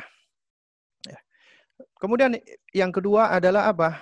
Adalah ya mengenalkan nikmat Allah Subhanahu wa taala, yaitu betapa banyak nikmat Allah Subhanahu wa taala. Al-Hafidz Ibnu Rajab Al-Hambali beliau mengatakan ya fa innal quluba jubilat ala hubbi man ahsana ilaiha. Ya secara asal hatinya hamba, hatinya manusia itu sudah diciptakan untuk mencintai siapa saja yang berbuat baik apa kepadanya. Artinya, siapa pun yang berbuat baik kepada seorang manusia, hati itu akan sudah condong mencintai orang yang berbuat baik tersebut. Apalagi ini kalau yang berbuat baik adalah Allah Subhanahu wa taala dengan begitu banyak kebaikan yang nggak bisa kita hitung. Ya. Nah, jadi hati itu sudah diciptakan memang akan condong mencintai yang berbuat baik apa kepadanya. Kemudian wabughdhu man asaa ilaiha. Dan hati ini cenderung cenderung membenci siapa yang berbuat buruk, siapa yang berbuat keburukan kepadanya. Wala ahad a'zam ihsanan minallahi subhanahu. Sedangkan nggak ada satupun yang berbuat baik, yang kebaikannya itu bisa melebihi Allah subhanahu wa ta'ala. Ya. Fa inna ihsanahu ala abdihi fi kulli nafsin wa lahdha. Karena kebaikan Allah itu berlaku untuk semua jiwa dan semua kesempatan. Artinya ya kebaikan Allah itu setiap waktu kepada setiap orang. Ya. Jadi artinya kebaikan Allah itu adalah kebaikan yang sempurna. Ya. Nah, oleh karena itu makanya orang yang berusaha untuk memperhatikan kenikmatan-kenikmatan yang Allah berikan, ya baik itu mulai dari dia memperhatikan dirinya, wa fi anfusikum afala tubsirun dan juga di dalam diri kalian itu terdapat tanda-tanda kebesaran Allah. Kenapa kalian nggak mau melihatnya? Ya. Nah, sampai-sampai makanya disebutkan di dalam uh, kitab apa Hilyatul Aulia ya bahwasanya wa kana Umar bin Abdul Aziz yaqul Umar bin Abdul Aziz beliau mengatakan ya al fikratu fi ni'amillah afdhalul ibadah Ya. Jadi memikirkan tentang nikmat-nikmat Allah itu adalah ibadah yang afdol. Ya, adalah ibadah yang tinggi. Kemudian yang ketiga adalah kita mengajak mereka untuk apa? Untuk at-tafakkur fi khalqis samawati wal ardi. Untuk memperhatikan tanda-tanda kebesaran Allah dari ciptaan-ciptaannya. Penciptaan langit, bumi. Allah mengatakan inna fi khalqis samawati wal ardi wa ikhtilafil laili wan nahari la ayatil liulil albab. Sesungguh, sesungguhnya di dalam penciptaan langit dan bumi bersilih gantinya siang dan malam itu terdapat tanda-tanda bagi ulil albab, orang-orang yang mau mempergunakan akalnya. Ya. Siapa ulul albab? Allah terangkan alladzina yadhkurunallaha qiyaman wa qu'udan wa 'ala junubihim wa yatafakkaruna fi khalqis samawati wal ard. Mereka orang-orang ulul albab adalah orang-orang yang selalu mengingat Allah, berzikir, menyebut nama Allah Subhanahu wa taala, ya, di dalam segala kondisi, ketika berdiri, ketika duduk, ketika ber, berbaring. Dan mereka selalu bertafakur tentang penciptaan, ya, ya, tentang penciptaan langit dan bumi. Bertafakur, betapa luar biasanya, ya. Kemudian mereka mengatakan, Rabbana ma khalaqta hadha batilah. Wahai Rabb kami, engkau tidaklah pernah menciptakan semua ini dengan sia-sia, ya. Jadi Allah nggak akan menciptakan segala sesuatu itu kesia-siaan. Semua apa yang Allah ciptakan pasti ada hikmahnya meskipun akal kita mampu menjangkau atau tidak mampu menjangkaunya. Nah, makanya ya semua apa yang ada di sekitar kita itu ciptaan Allah, makhluk. Makhluk artinya ciptaan Allah. Dari makhluk kita bisa bisa mengenal kebesaran penciptanya.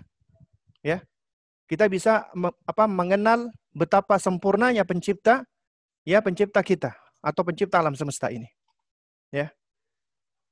Nah, bahkan disebutkan ya Malik bin Dinar, semoga Allah merahmati beliau, ya. Beliau sampai pernah mengatakan ya, sekiranya Allah tidak disembah kecuali bagi orang yang sudah melihatnya, maka niscaya tidak ada seorang pun yang akan menyembah Allah. Kenapa? Karena Allah tidak bisa dilihat oleh oleh mata manusia di dunia. Tapi seorang mukmin, seorang beriman, mereka akan bertafakur, mereka akan merenungi ya tentang bersilih gantinya siang dan malam, datangnya malam yang apa namanya menyelimuti bumi, kemudian datangnya uh, siang yang menghilangkan apa namanya kegelapan malam, maka orang-orang beriman dia akan bertafakur tentangnya. Ya, dan gak mungkin ini apa namanya terjadi dengan sendirinya. Orang beriman juga dia akan terus berpikir tentang apa tentang awan, awan yang bergerak ya di atas uh, apa di langit ya dengan membawa air hujan ya. Lalu kemudian juga mereka akan memperhatikan kapal yang berlayar di atas lautan, yang yang mana kapal ini ditiup oleh angin. Ya, kemudian mereka juga bertafakur tentang silih gantinya, ya musim panas, musim dingin. Dan orang-orang yang beriman senantiasa merenungkan akan betapa luar biasanya makhluk yang Allah ciptakan ini. Maka tentunya penciptanya adalah lebih sempurna lagi, lebih luar biasa lagi. Ya. Sehingga ya akhirnya mereka meyakini dari ciptaan-ciptaan Allah inilah ya Allah Subhanahu wa taala itu bisa dikenal keagungannya, kebesarannya. Nah, karena itu makanya kita ajak mereka, anak-anak kita ingin mengenal Allah melalui ciptaannya. Kemudian juga apa? Juga ya melalui ayat-ayat kauliyah, Quraniyah. Itu kita kenalkan dengan Al-Quran. Kita kenalkan juga dengan nabinya agar mereka mencintai Nabi Rasulullah SAW. Juga dikatakan di sini ya, Imam apa namanya? Itu Dhunnun Al-Misri rahimahullah beliau pernah apa namanya mengatakan ya. Ya. Apa tunadul ma'rifah bi thalath. Ya. Pengetahuan itu bisa diraih dengan tiga hal bin nadhari fil umuri kaifa dabbaraha yaitu dengan melihat ya apa semua urusan yang ada di muka bumi ini bagaimana Allah mengaturnya dengan begitu rapi sistematis karena Allah mudabbir ya. Kemudian juga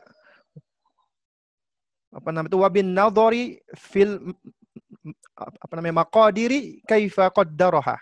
Dan juga dengan memperhatikan tentang ketentuan Allah, takdir Allah, bagaimana Allah menetapkan dengan begitu sempurnanya. Wa fil khalaiqi kaifa khalaqaha. Dan juga memperhatikan tentang makhluk-makhluknya bagaimana Allah menciptakannya. Makanya di Quran banyak sekali kita diperintah untuk memperhatikan ini. Ya, di antaranya apa namanya? Kita afala yang durunal insan eh oh ya uh, apa namanya? Afala yanzuruna ila al-ibili kaifa khuliqat wa ila as-sama'i kaifa rufi'at wa ila al-ardi kaifa sutihat dan seterusnya. Ya. Afala yanzurun? Kenapa mereka enggak memperhatikan? Ya.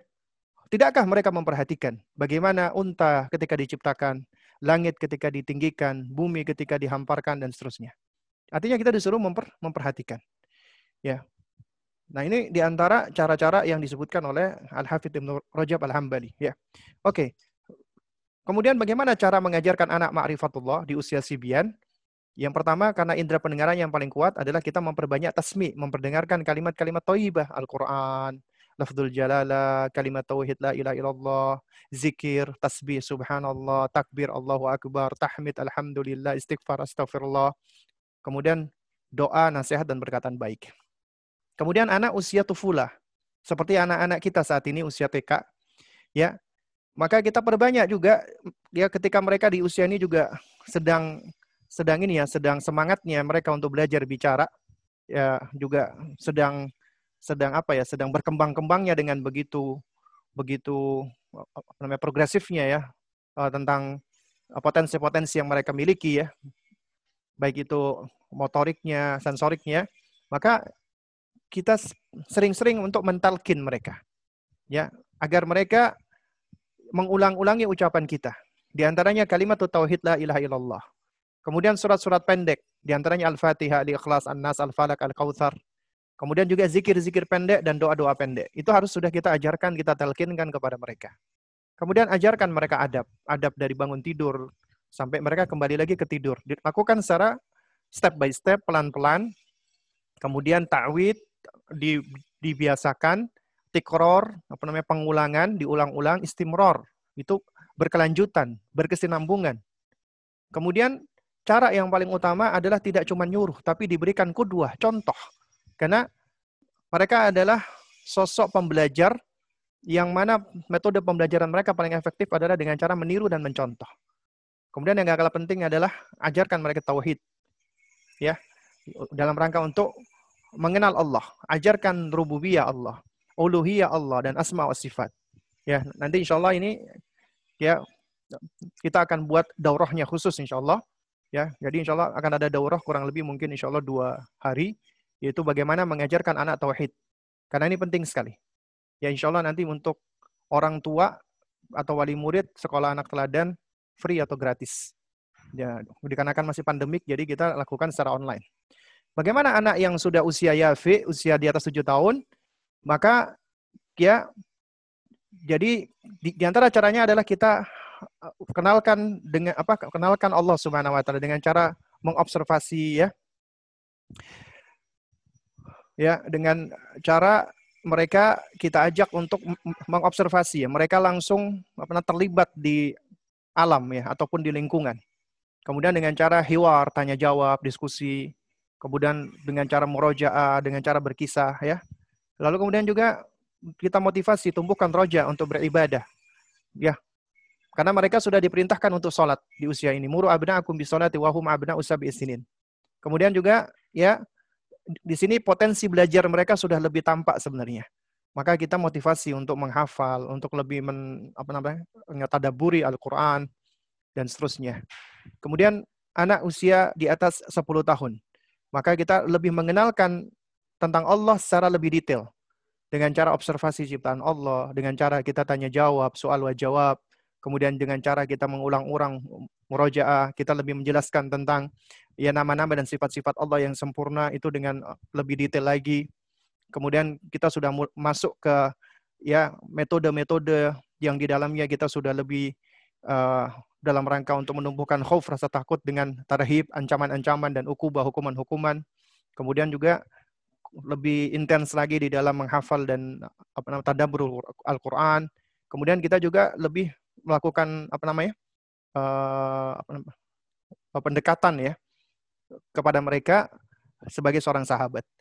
Taib, mungkin ini yang dapat saya sampaikan ya di kesempatan kita.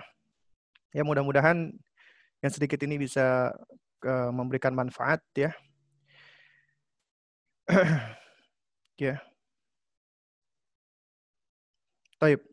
Terus kemudian jangan lupa pula yang terakhir ya. Yang terakhir itu adalah doa. Ya, doa. Karena doa ini adalah ya di antara uh, perkara yang sangat penting sekali. Mu'adz bin Jabal radhiyallahu taala anhu, beliau pernah diajarkan oleh Rasulullah SAW itu sebuah doa yang sangat baik sekali. Doa yang insya Allah apabila kita praktekkan ya mudah-mudahan ini bisa menjadi sebab kita dan anak-anak kita lebih mencintai Allah. Karena apabila kita mencintai Allah, kita akan mencintai perbuatan-perbuatan baik. Ya, di dalam hadis Mu'adz bin Jabal, Rasulullah SAW beliau bersabda mengajarkan doa, Allahumma inni as'aluka fi'lal khairat wa tarkal munkarat. Ya. Ya. Allahumma inni as'aluka fi'lal khairat wa tarkal munkarat. Ya. Wa hubbal masakin wa an taghfirali wa tarhamani. Ya. Allahumma ini as'aluka fi'lal khairat. Ya Allah, aku meminta kepadamu untuk melakukan perbuatan-perbuatan yang baik. Watarkal munkarat. Dan untuk meninggalkan kemungkaran-kemungkaran. Wahubbal masakin. Dan untuk mencintai orang-orang miskin. Bayangkan ini. Kita diajarkan doa oleh Nabi untuk mencintai orang-orang miskin. Ya. Wa antagfirali watarham ya.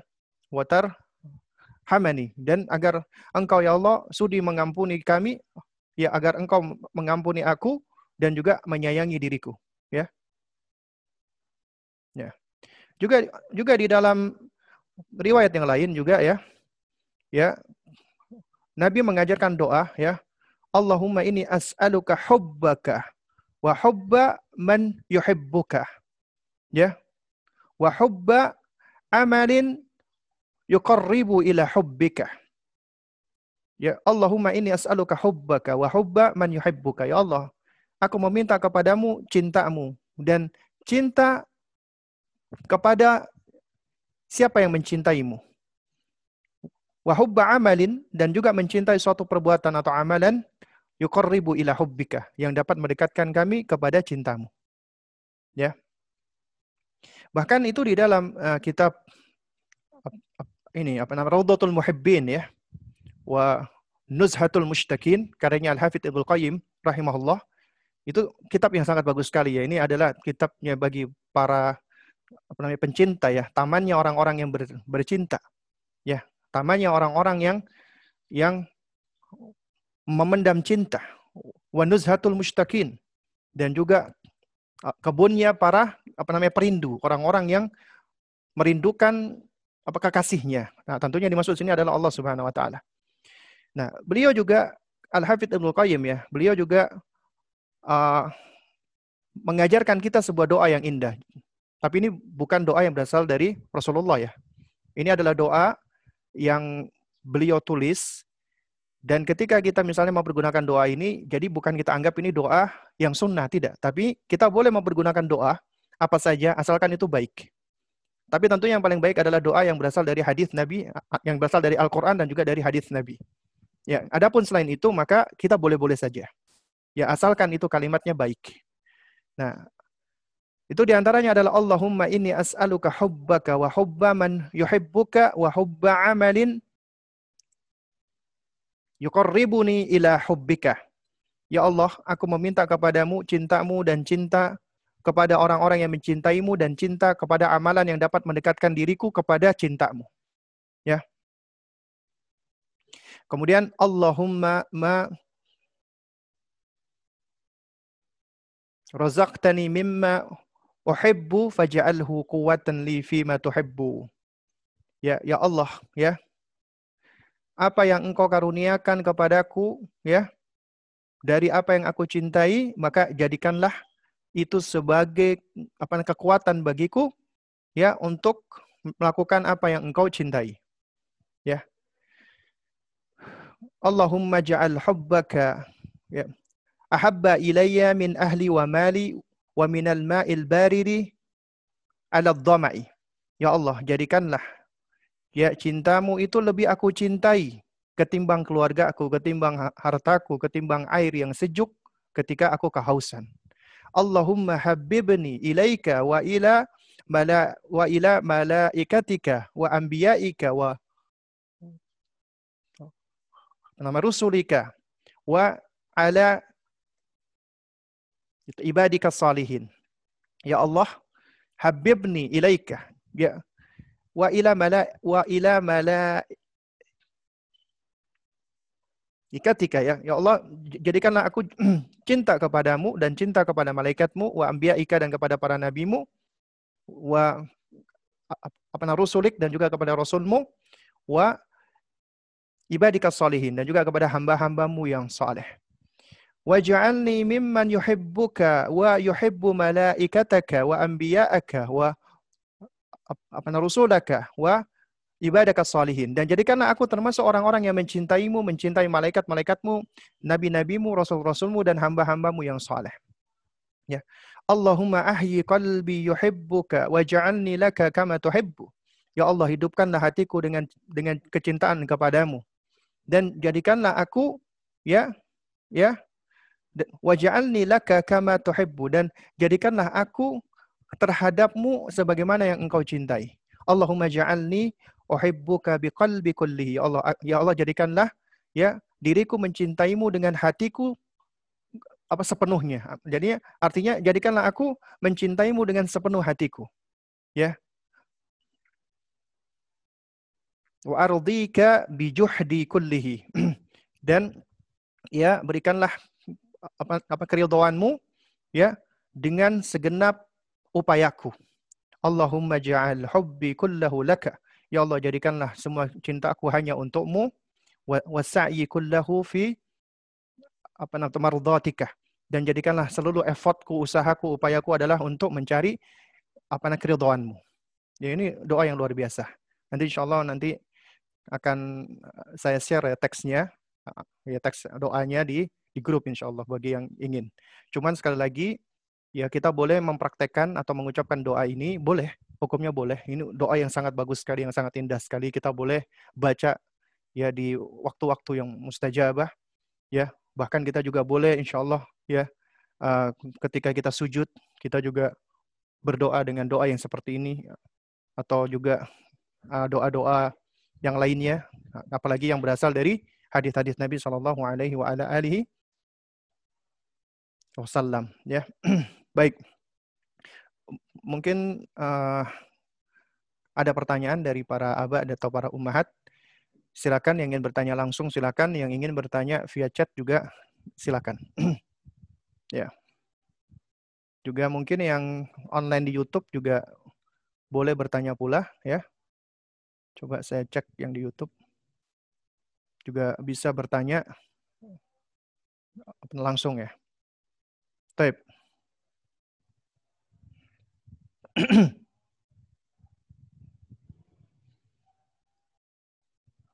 ya, di YouTube nggak ada pertanyaan ya. Baik, mungkin dari para abah dan para umat yang ingin bertanya, silakan.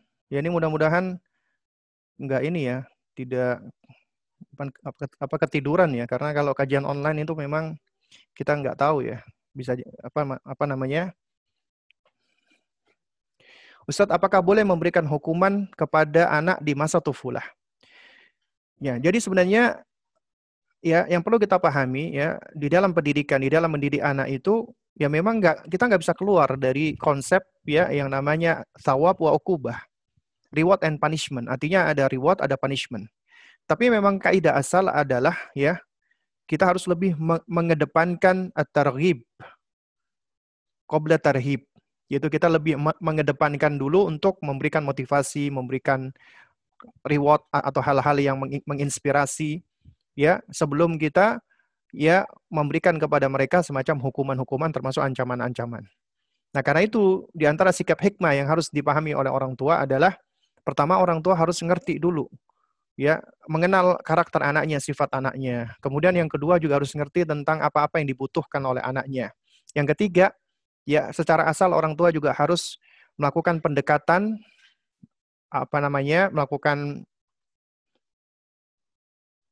approaching ya kepada anaknya dengan cara-cara yang yang yang secara asal adalah cara-cara yang uh, penuh kasih sayang dengan kelemah lembutan. Bahkan ini asal asal di dalam berdakwah termasuk di dalam mendidik.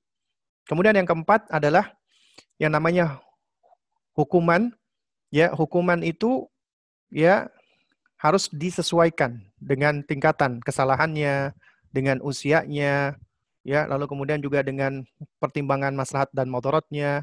Kemudian yang keempat juga harus dipertimbangkan pula ketika kita memberikan hukuman itu adalah karena kita sekedar jengkel, marah atau memang kita duga di situ ada ada manfaatnya yang yang besar.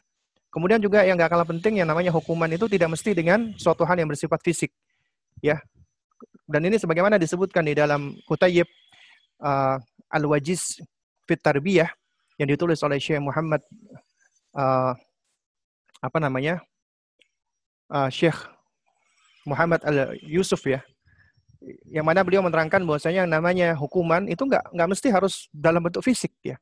Hukuman itu bisa jadi dalam bentuk lisan atau bahkan dalam bentuk pandangan mata saja.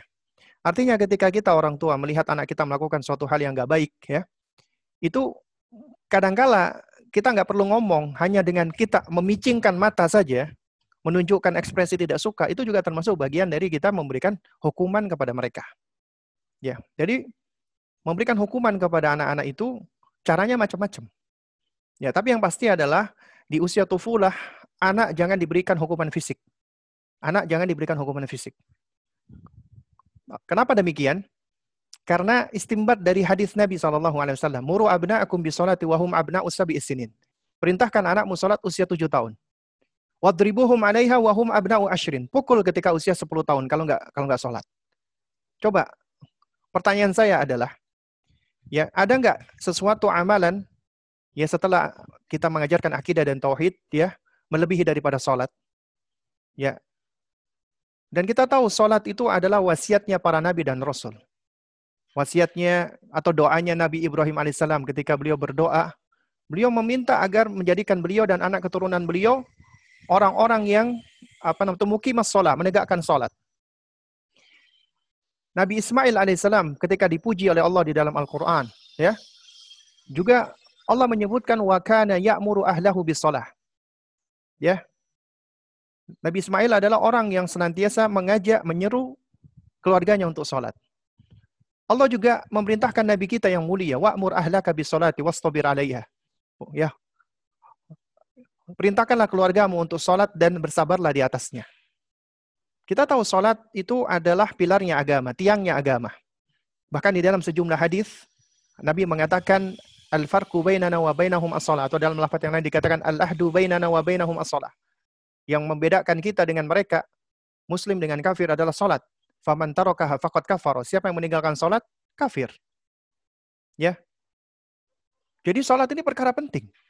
Tapi Nabi ternyata memerintahkan kita orang tua untuk memerintahkan hal ini kepada anak kita di usia tujuh tahun. Dan memukul dengan hukuman hukuman fisik di usia 10 tahun. Sholat, perkara penting. Sekarang, bagaimana dengan perkara-perkara yang tentunya lebih rendah atau di bawah sholat? Anak misalnya disuruh untuk ini dia nggak mau, atau disuruh kemudian orang tuanya mukul, orang tuanya ya memberikan hukuman fisik. Tentunya ini sesuatu hal yang tidak hikmah. Suatu hal yang tidak hikmah. Jadi, boleh nggak memberikan hukuman kepada anak? Ya, kaidah pendidikan mengatakan ya memang pendidikan itu dengan reward and punishment, tapi harus hikmah. Untuk menjadi hikmah, kita perlu ilmu, kita perlu belajar, kita perlu untuk juga apa namanya muro'a ahwalil mad'uin. Kita harus mengenal kondisi-kondisi anak didik kita itu bagaimana kondisinya. Lalu kemudian ya kita harus bisa mempertimbangkan maslahat dan madorotnya di situ. Ya, jadi memang tiap kondisi anak beda-beda. Tapi secara asal mereka tidaklah diberi hukuman dengan hukuman fisik. Dan hukuman tidak mesti dengan hukuman fisik. Jadi bisa pula dengan hukuman berupa pandangan mata atau dengan ucapan lisan atau bahkan mereka dihajar, di, dibiarkan apa namanya sesaat. Ya, asalkan itu memang bermanfaat. Artinya mereka bisa bisa sadar atau tahu bahwasanya mereka lakukan itu salah ataupun apa keliru. Nah, karena itu anak-anak kecil apalagi usia tufula, sebenarnya mereka insya Allah masih berada di atas fitrah. Mereka masih berada di atas hati yang bersih.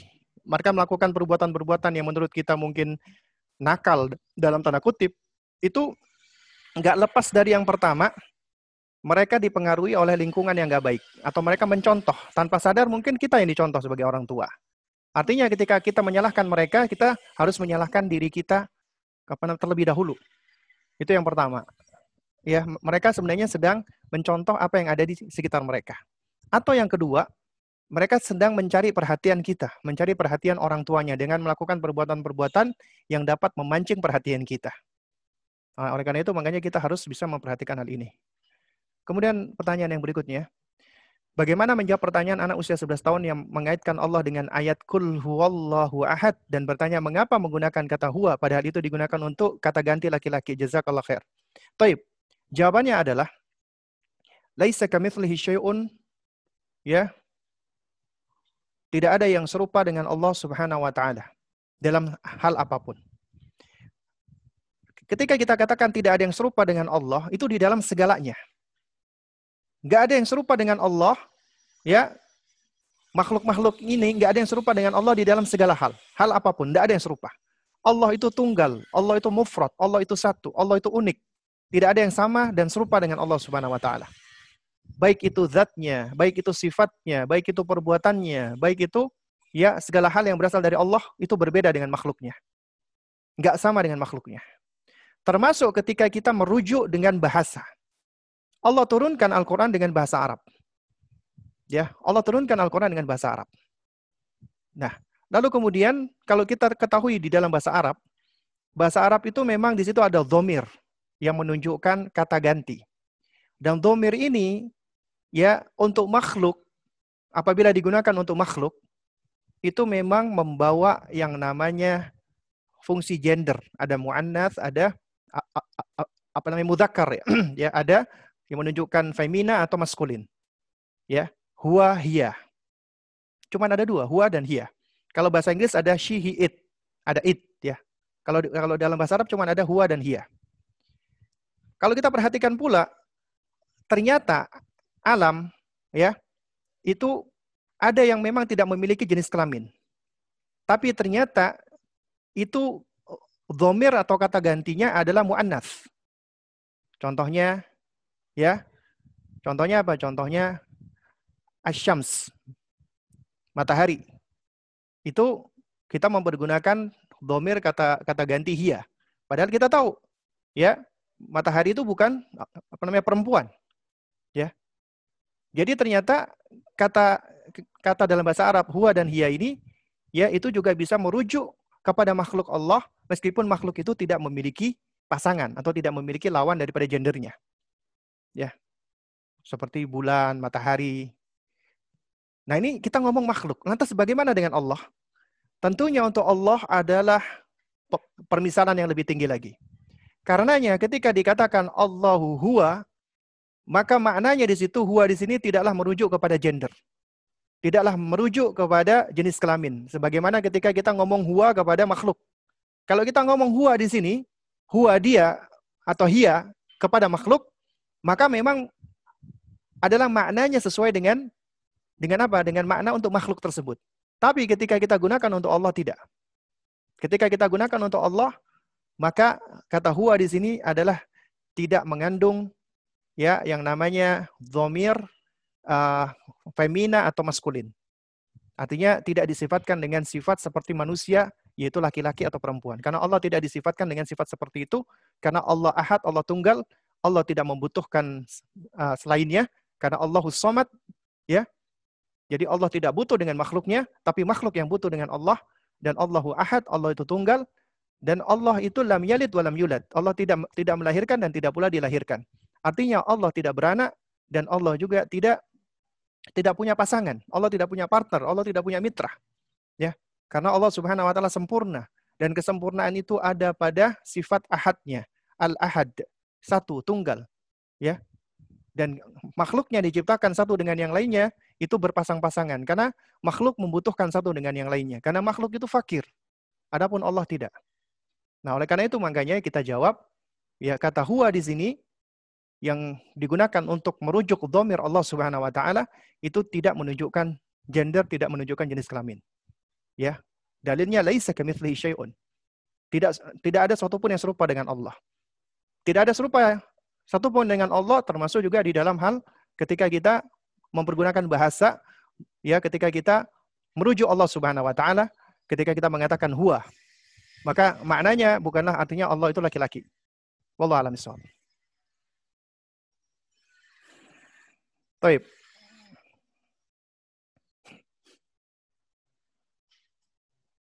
Ustadz, adakah amalan-amalan khusus saat mengandung agar anak mencintai Allah?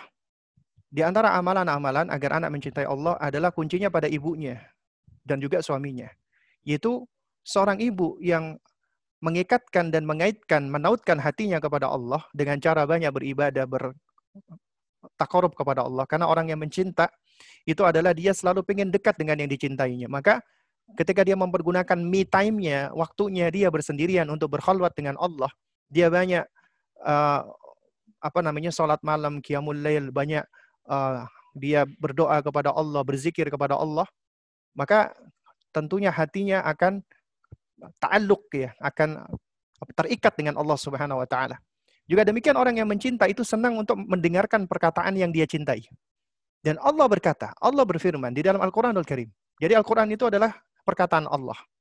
Sehingga seorang yang mencintai Allah dia senang untuk mendengarkan perkataan-perkataan Allah, ucapan-ucapan Allah. Al-Qur'an. Nah, karena itu makanya ya kalau kita mencintai Allah, maka kita senang pula untuk mendengarkan dan membaca perkataan-perkataan Allah, kalamnya. Karena itu makanya seorang ibu yang hamil juga memperbanyak untuk membaca Al-Qur'anul Karim. Itu di antara tanda-tanda eh, di antara ya sebab-sebab atau faktor-faktor jika kita menginginkan anak-anak yang yang dari semenjak usia janin dia berkembang insya Allah hatinya sudah terikat dengan Allah Subhanahu wa taala. Kenapa? Karena orang tuanya sudah mengikatkan hatinya dengan Allah dari semenjak masih masih masih berada di dalam kandungan ibunya. Wallahu a'lam bishawab. Ustaz, bagaimana caranya menumbuhkan rasa cinta kepada Allah untuk anak usia lima tahun perempuan? Adakah tahapannya dan bolehkah memukul anak usia lima tahun perempuan? Baik, yang jawaban bolehkah memukul anak, apalagi perempuan usia lima tahun? Ya, maka jawaban saya adalah ini tidak hikmah dan tidak benar kita melakukan hukuman pukulan kepada anak-anak, apalagi anak perempuan, apalagi di bawah tujuh tahun. Ya kira-kira apa kesalahan dia sehingga menyebabkan kita harus melakukan hukuman seperti pukulan. Sedangkan Nabi sendiri memerintahkan untuk memukul anak di usia 10 tahun itu pun berkaitan dengan haknya Allah, salat. Ya. Lalu bagaimana cara menumbuhkan rasa cinta kepada anak untuk usia 5 tahun perempuan? Ya ini sebenarnya sudah kita bahas tadi ya. Ya, yaitu ada ada apa namanya? Ada item-item tadi umum ya, yaitu di usia tufulah. Ya di usia tufulah itu hendaknya anak-anak ya itu mereka ya coba kita buka slide-nya lagi di sini ya. Nah, ini dia. Ini di usia tufula kubroh. Ya, di usia tufula kubroh Maka ya kita memperbanyak mereka untuk mentalkin, di antaranya mengajarkan adab, dan adab itu yang paling utama adalah adab kepada Allah. Adab kepada Allah di antaranya adalah mengajarkan mereka untuk bersyukur kepada Allah. Sabar dengan segala keputusan Allah. Kemudian kita sebagai orang tua hendaknya memberikan kudua atau contoh ya bagi mereka. Kemudian yang gak kalah penting kita mengajarkan tauhid pada mereka. Insya Allah nanti bagaimana step-stepnya yang lebih detail ya itu insya Allah akan kita bahas ya. Ya insya Allah akan kita buat daurahnya khusus ya tentang bagaimana mengajarkan tauhid pada anak-anak. Insya Allah Ta'ala. Mudah-mudahan Allah mudahkan. Bagaimana agar anak mau bersemangat dalam menghafal Al-Quran? Di sekolah TK, anak-anak setiap hari diwajibkan untuk store hafalan dan kadang anaknya nggak mau jika bacaan dikoreksi oleh gurunya. Ya, jadi yang lebih utama ya adalah anak-anak di usia TK, di usia tufulah, sebelum mereka itu dikejar, digenjot menghafal Quran, maka yang pertama kali adalah ajarkan iman dulu. Al-imanu qoblal Quran. Ini metodenya sahabat Nabi, ya. Ini adalah metodenya para salaf dahulu. Apa? Para salaf dahulu. Ya, Jundub bin Abdullah Al-Bajali radhiyallahu taala anhu, beliau menceritakan ya, kunna fityanan atau kunna gilmanan hazawiratan ma'an Nabi sallallahu alaihi wasallam. Kami ketika itu adalah anak-anak yang sudah menjelang balik ya, usia 10 tahun ke atas maksudnya. Dan kami bersama Nabi sallallahu alaihi wasallam. Ya. Dan kemudian Jundub mengatakan ta'allamna al-iman qabla ya an apa namanya ta'allam al-Qur'an. Kami pelajari dulu masalah keimanan sebelum kami pelajari Al-Qur'an. Baru kemudian kami belajar Al-Quran, fasdat nabihi imanan. Maka bertambahlah iman kami. Karena itu ajarkan dulu iman. Ajarkan dulu agar anak mencintai Allah. Mencintai Rasulullah, mencintai Al-Quran. Jadikan mereka mencintai Al-Quran. Ya, kita harus berusaha untuk apa? Untuk untuk menumbuhkan ya di dalam diri mereka, mereka senang dengan Al-Quran. Mereka harus tahu tentang Al-Quran itu seperti apa apa manfaatnya Al-Quran, ya. Lalu kemudian supaya mereka tumbuh di dalam dirinya senang dengan Al-Quran. Tapi kalau anak itu hanya dikejar, hanya dituntut untuk menghafal Al-Quran, ya, apalagi mereka dipaksa-paksa, ini biasanya akan nggak baik. Ya, apalagi kalau sampai merampas waktu-waktu mereka ketika mereka memang masih butuh bermain. Itu itu dirampas waktunya. Ini nggak baiknya kenapa? Mereka akan dikhawatirkan muncul ketidaksukaan mereka terhadap Al-Quran. Gara-gara Al-Quran ini, umiku itu kok jahat sama aku. Gara-gara Al-Quran ini, aku di apa dihukum sama orang tuaku, aku dihukum sama guruku. Akhirnya dia nggak suka sama Al-Quran. Ini suatu hal yang tentunya sangat membahayakan. Ya, oleh karenanya makanya yang paling utama adalah kita tumbuhkan dulu cintanya dia kepada Al-Quran. Karena kalau dia sudah cinta sama Al-Quran, dia akan senang berinteraksi dengan Al-Quran. Senang membaca Al-Quran. Senang untuk menghafal Al-Quran.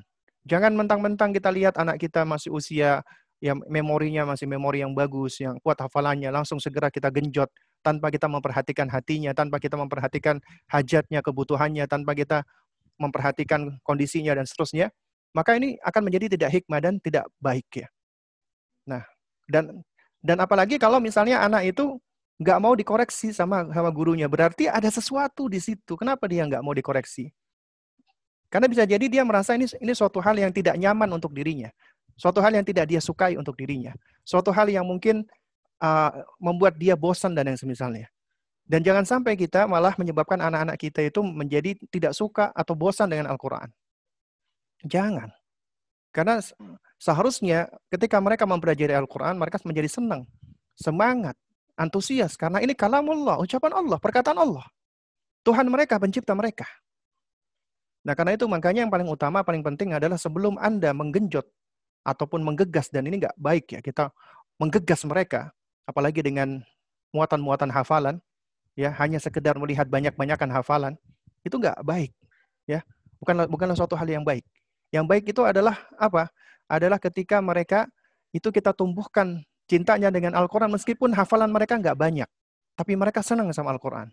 Karena insya Allah kelak dengan rasa cintanya, di usianya, ya di usia berikutnya ketika potensi belajar mereka sudah mulai tumbuh, mereka akan al-mubadarah, berinisiatif untuk menghafal Al-Quran. Dan ketika mereka menghafal Al-Quran, Jangan heran apabila ada anak ketika TK digenjot hafal Al-Quran, hafal satu juz, hafal dua juz.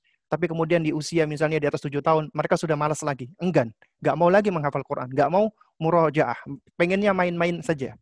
Akhirnya apa? Malah stagnan, malah tidak bertambah hafalannya, malah mereka menjauhi Al-Quran. Di sisi lain ada anak-anak di usia TK-nya, di usia tufulahnya, mereka nggak pernah dipaksa. Ya, tapi ketika di usia mereka, ketika usia 7 tahun, 8 tahun ke atas, karena tumbuh rasa cintanya kepada Al-Quran, mereka senang menghafal Al-Quran. Jangan heran ketika dalam waktu satu tahun, dua tahun, ternyata mereka bukan cuma menghafal Al-Quran, mereka sudah menjadi seorang hafid, menjadi penghafal Al-Quran. Ya. Mereka hafal Al-Quranul Karim. Kenapa? Karena mereka sayang sama Al-Quran, cinta dengan Al-Quran. Ya. Jadi ini yang harusnya kita namanya perhatikan. Berapa usia ideal anak bisa membaca Al-Quran? Anak saya usia 4 tahun masih belum mau belajar baca Iqra.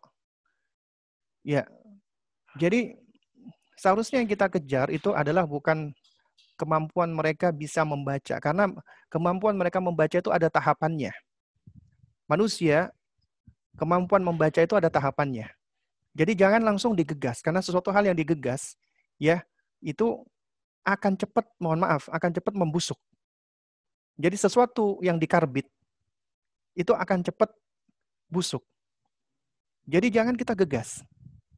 Anak-anak usia seperti ini, ya seharusnya kita tumbuhkan dulu keimanannya, kita tumbuhkan dulu, suburkan dulu cintanya kepada Allah, termasuk cintanya kepada Al-Quran. Kita nggak usah tergesa-gesa. Ya kenapa kita kok harus apa namanya apa namanya tergesa-gesa supaya dia bisa cepat menghafal Quran, banyak-banyakan hafal Quran. Dia bisa baca Al-Quran. Kita semua tentu menginginkan ini adalah suatu hal yang baik ketika mereka bisa menghafal Quran, mereka bisa membaca Al-Quran. Ini tentunya suatu hal yang baik. Tapi kalau digegas, ya, dengan cara yang tidak hikmah, itu biasanya nggak baik. Mereka akan menjauh daripada Al-Quran. Seharusnya yang kita lakukan adalah apa? Adalah mereka itu kita bangun dulu ya pondasinya, asasnya mencintai Al-Quran, apa namanya mahabbatullah, mahabbatul rasul, mahabbatul Islam, wa apa namanya mahabbatul Quran dan seterusnya. Itu yang harus kita kita apa namanya kita uh, kejar. Dan kemampuan anak-anak memang berbeda-beda. Jadi yang sepatutnya dilakukan di usia-usia seperti ini, boleh kita ajarkan mengenal huruf hijaiyah. Ya, mereka mengenal huruf, mengenal simbol, apalagi usia baru 4 tahun ya. Boleh kita kita kenalkan huruf-huruf hijaiyah ya. Dan nggak usah khawatir karena uh itu anaknya si fulanah usia 4 tahun sudah bisa baca Quran, uh, anaknya si si ini jangan. Kita nggak perlu ngelihat anaknya orang lain, nggak perlu kita banding-bandingkan. Ya, karena anak kita unik. Yang penting adalah kita berusaha untuk membersamai mereka, kita tunjukkan yang baik, kita berikan teladan, ya kemudian kita berusaha untuk menyuburkan keimanannya, menyuburkan rasa sayangnya, rasa cintanya kepada Allah. Kemudian kita doa, minta kepada Allah. Insya Allah ini sudah sudah cukup dan jauh lebih baik. Wallahu taala alam bisawab. Baik ini sudah pukul mau pukul 12 ya. Uh, mungkin kita akhiri dulu sampai di sini. Mudah-mudahan yang sedikit ini bisa memberikan manfaatnya. Ya, yang hak datangnya dari Allah Subhanahu wa taala, yang batil datangnya dari diri saya pribadi. Yang jika ada apa namanya penjelasan saya yang keliru, maka itu datangnya dari diri saya pribadi dan juga dari syaitan. Yang hak datangnya dari Allah Subhanahu wa taala. Kita tutup dengan kafaratul majlis. Subhanakallahumma wa bihamdik asyhadu an la ilaha illa anta astaghfiruka wa atubu ilaik. Wassalamualaikum warahmatullahi wabarakatuh.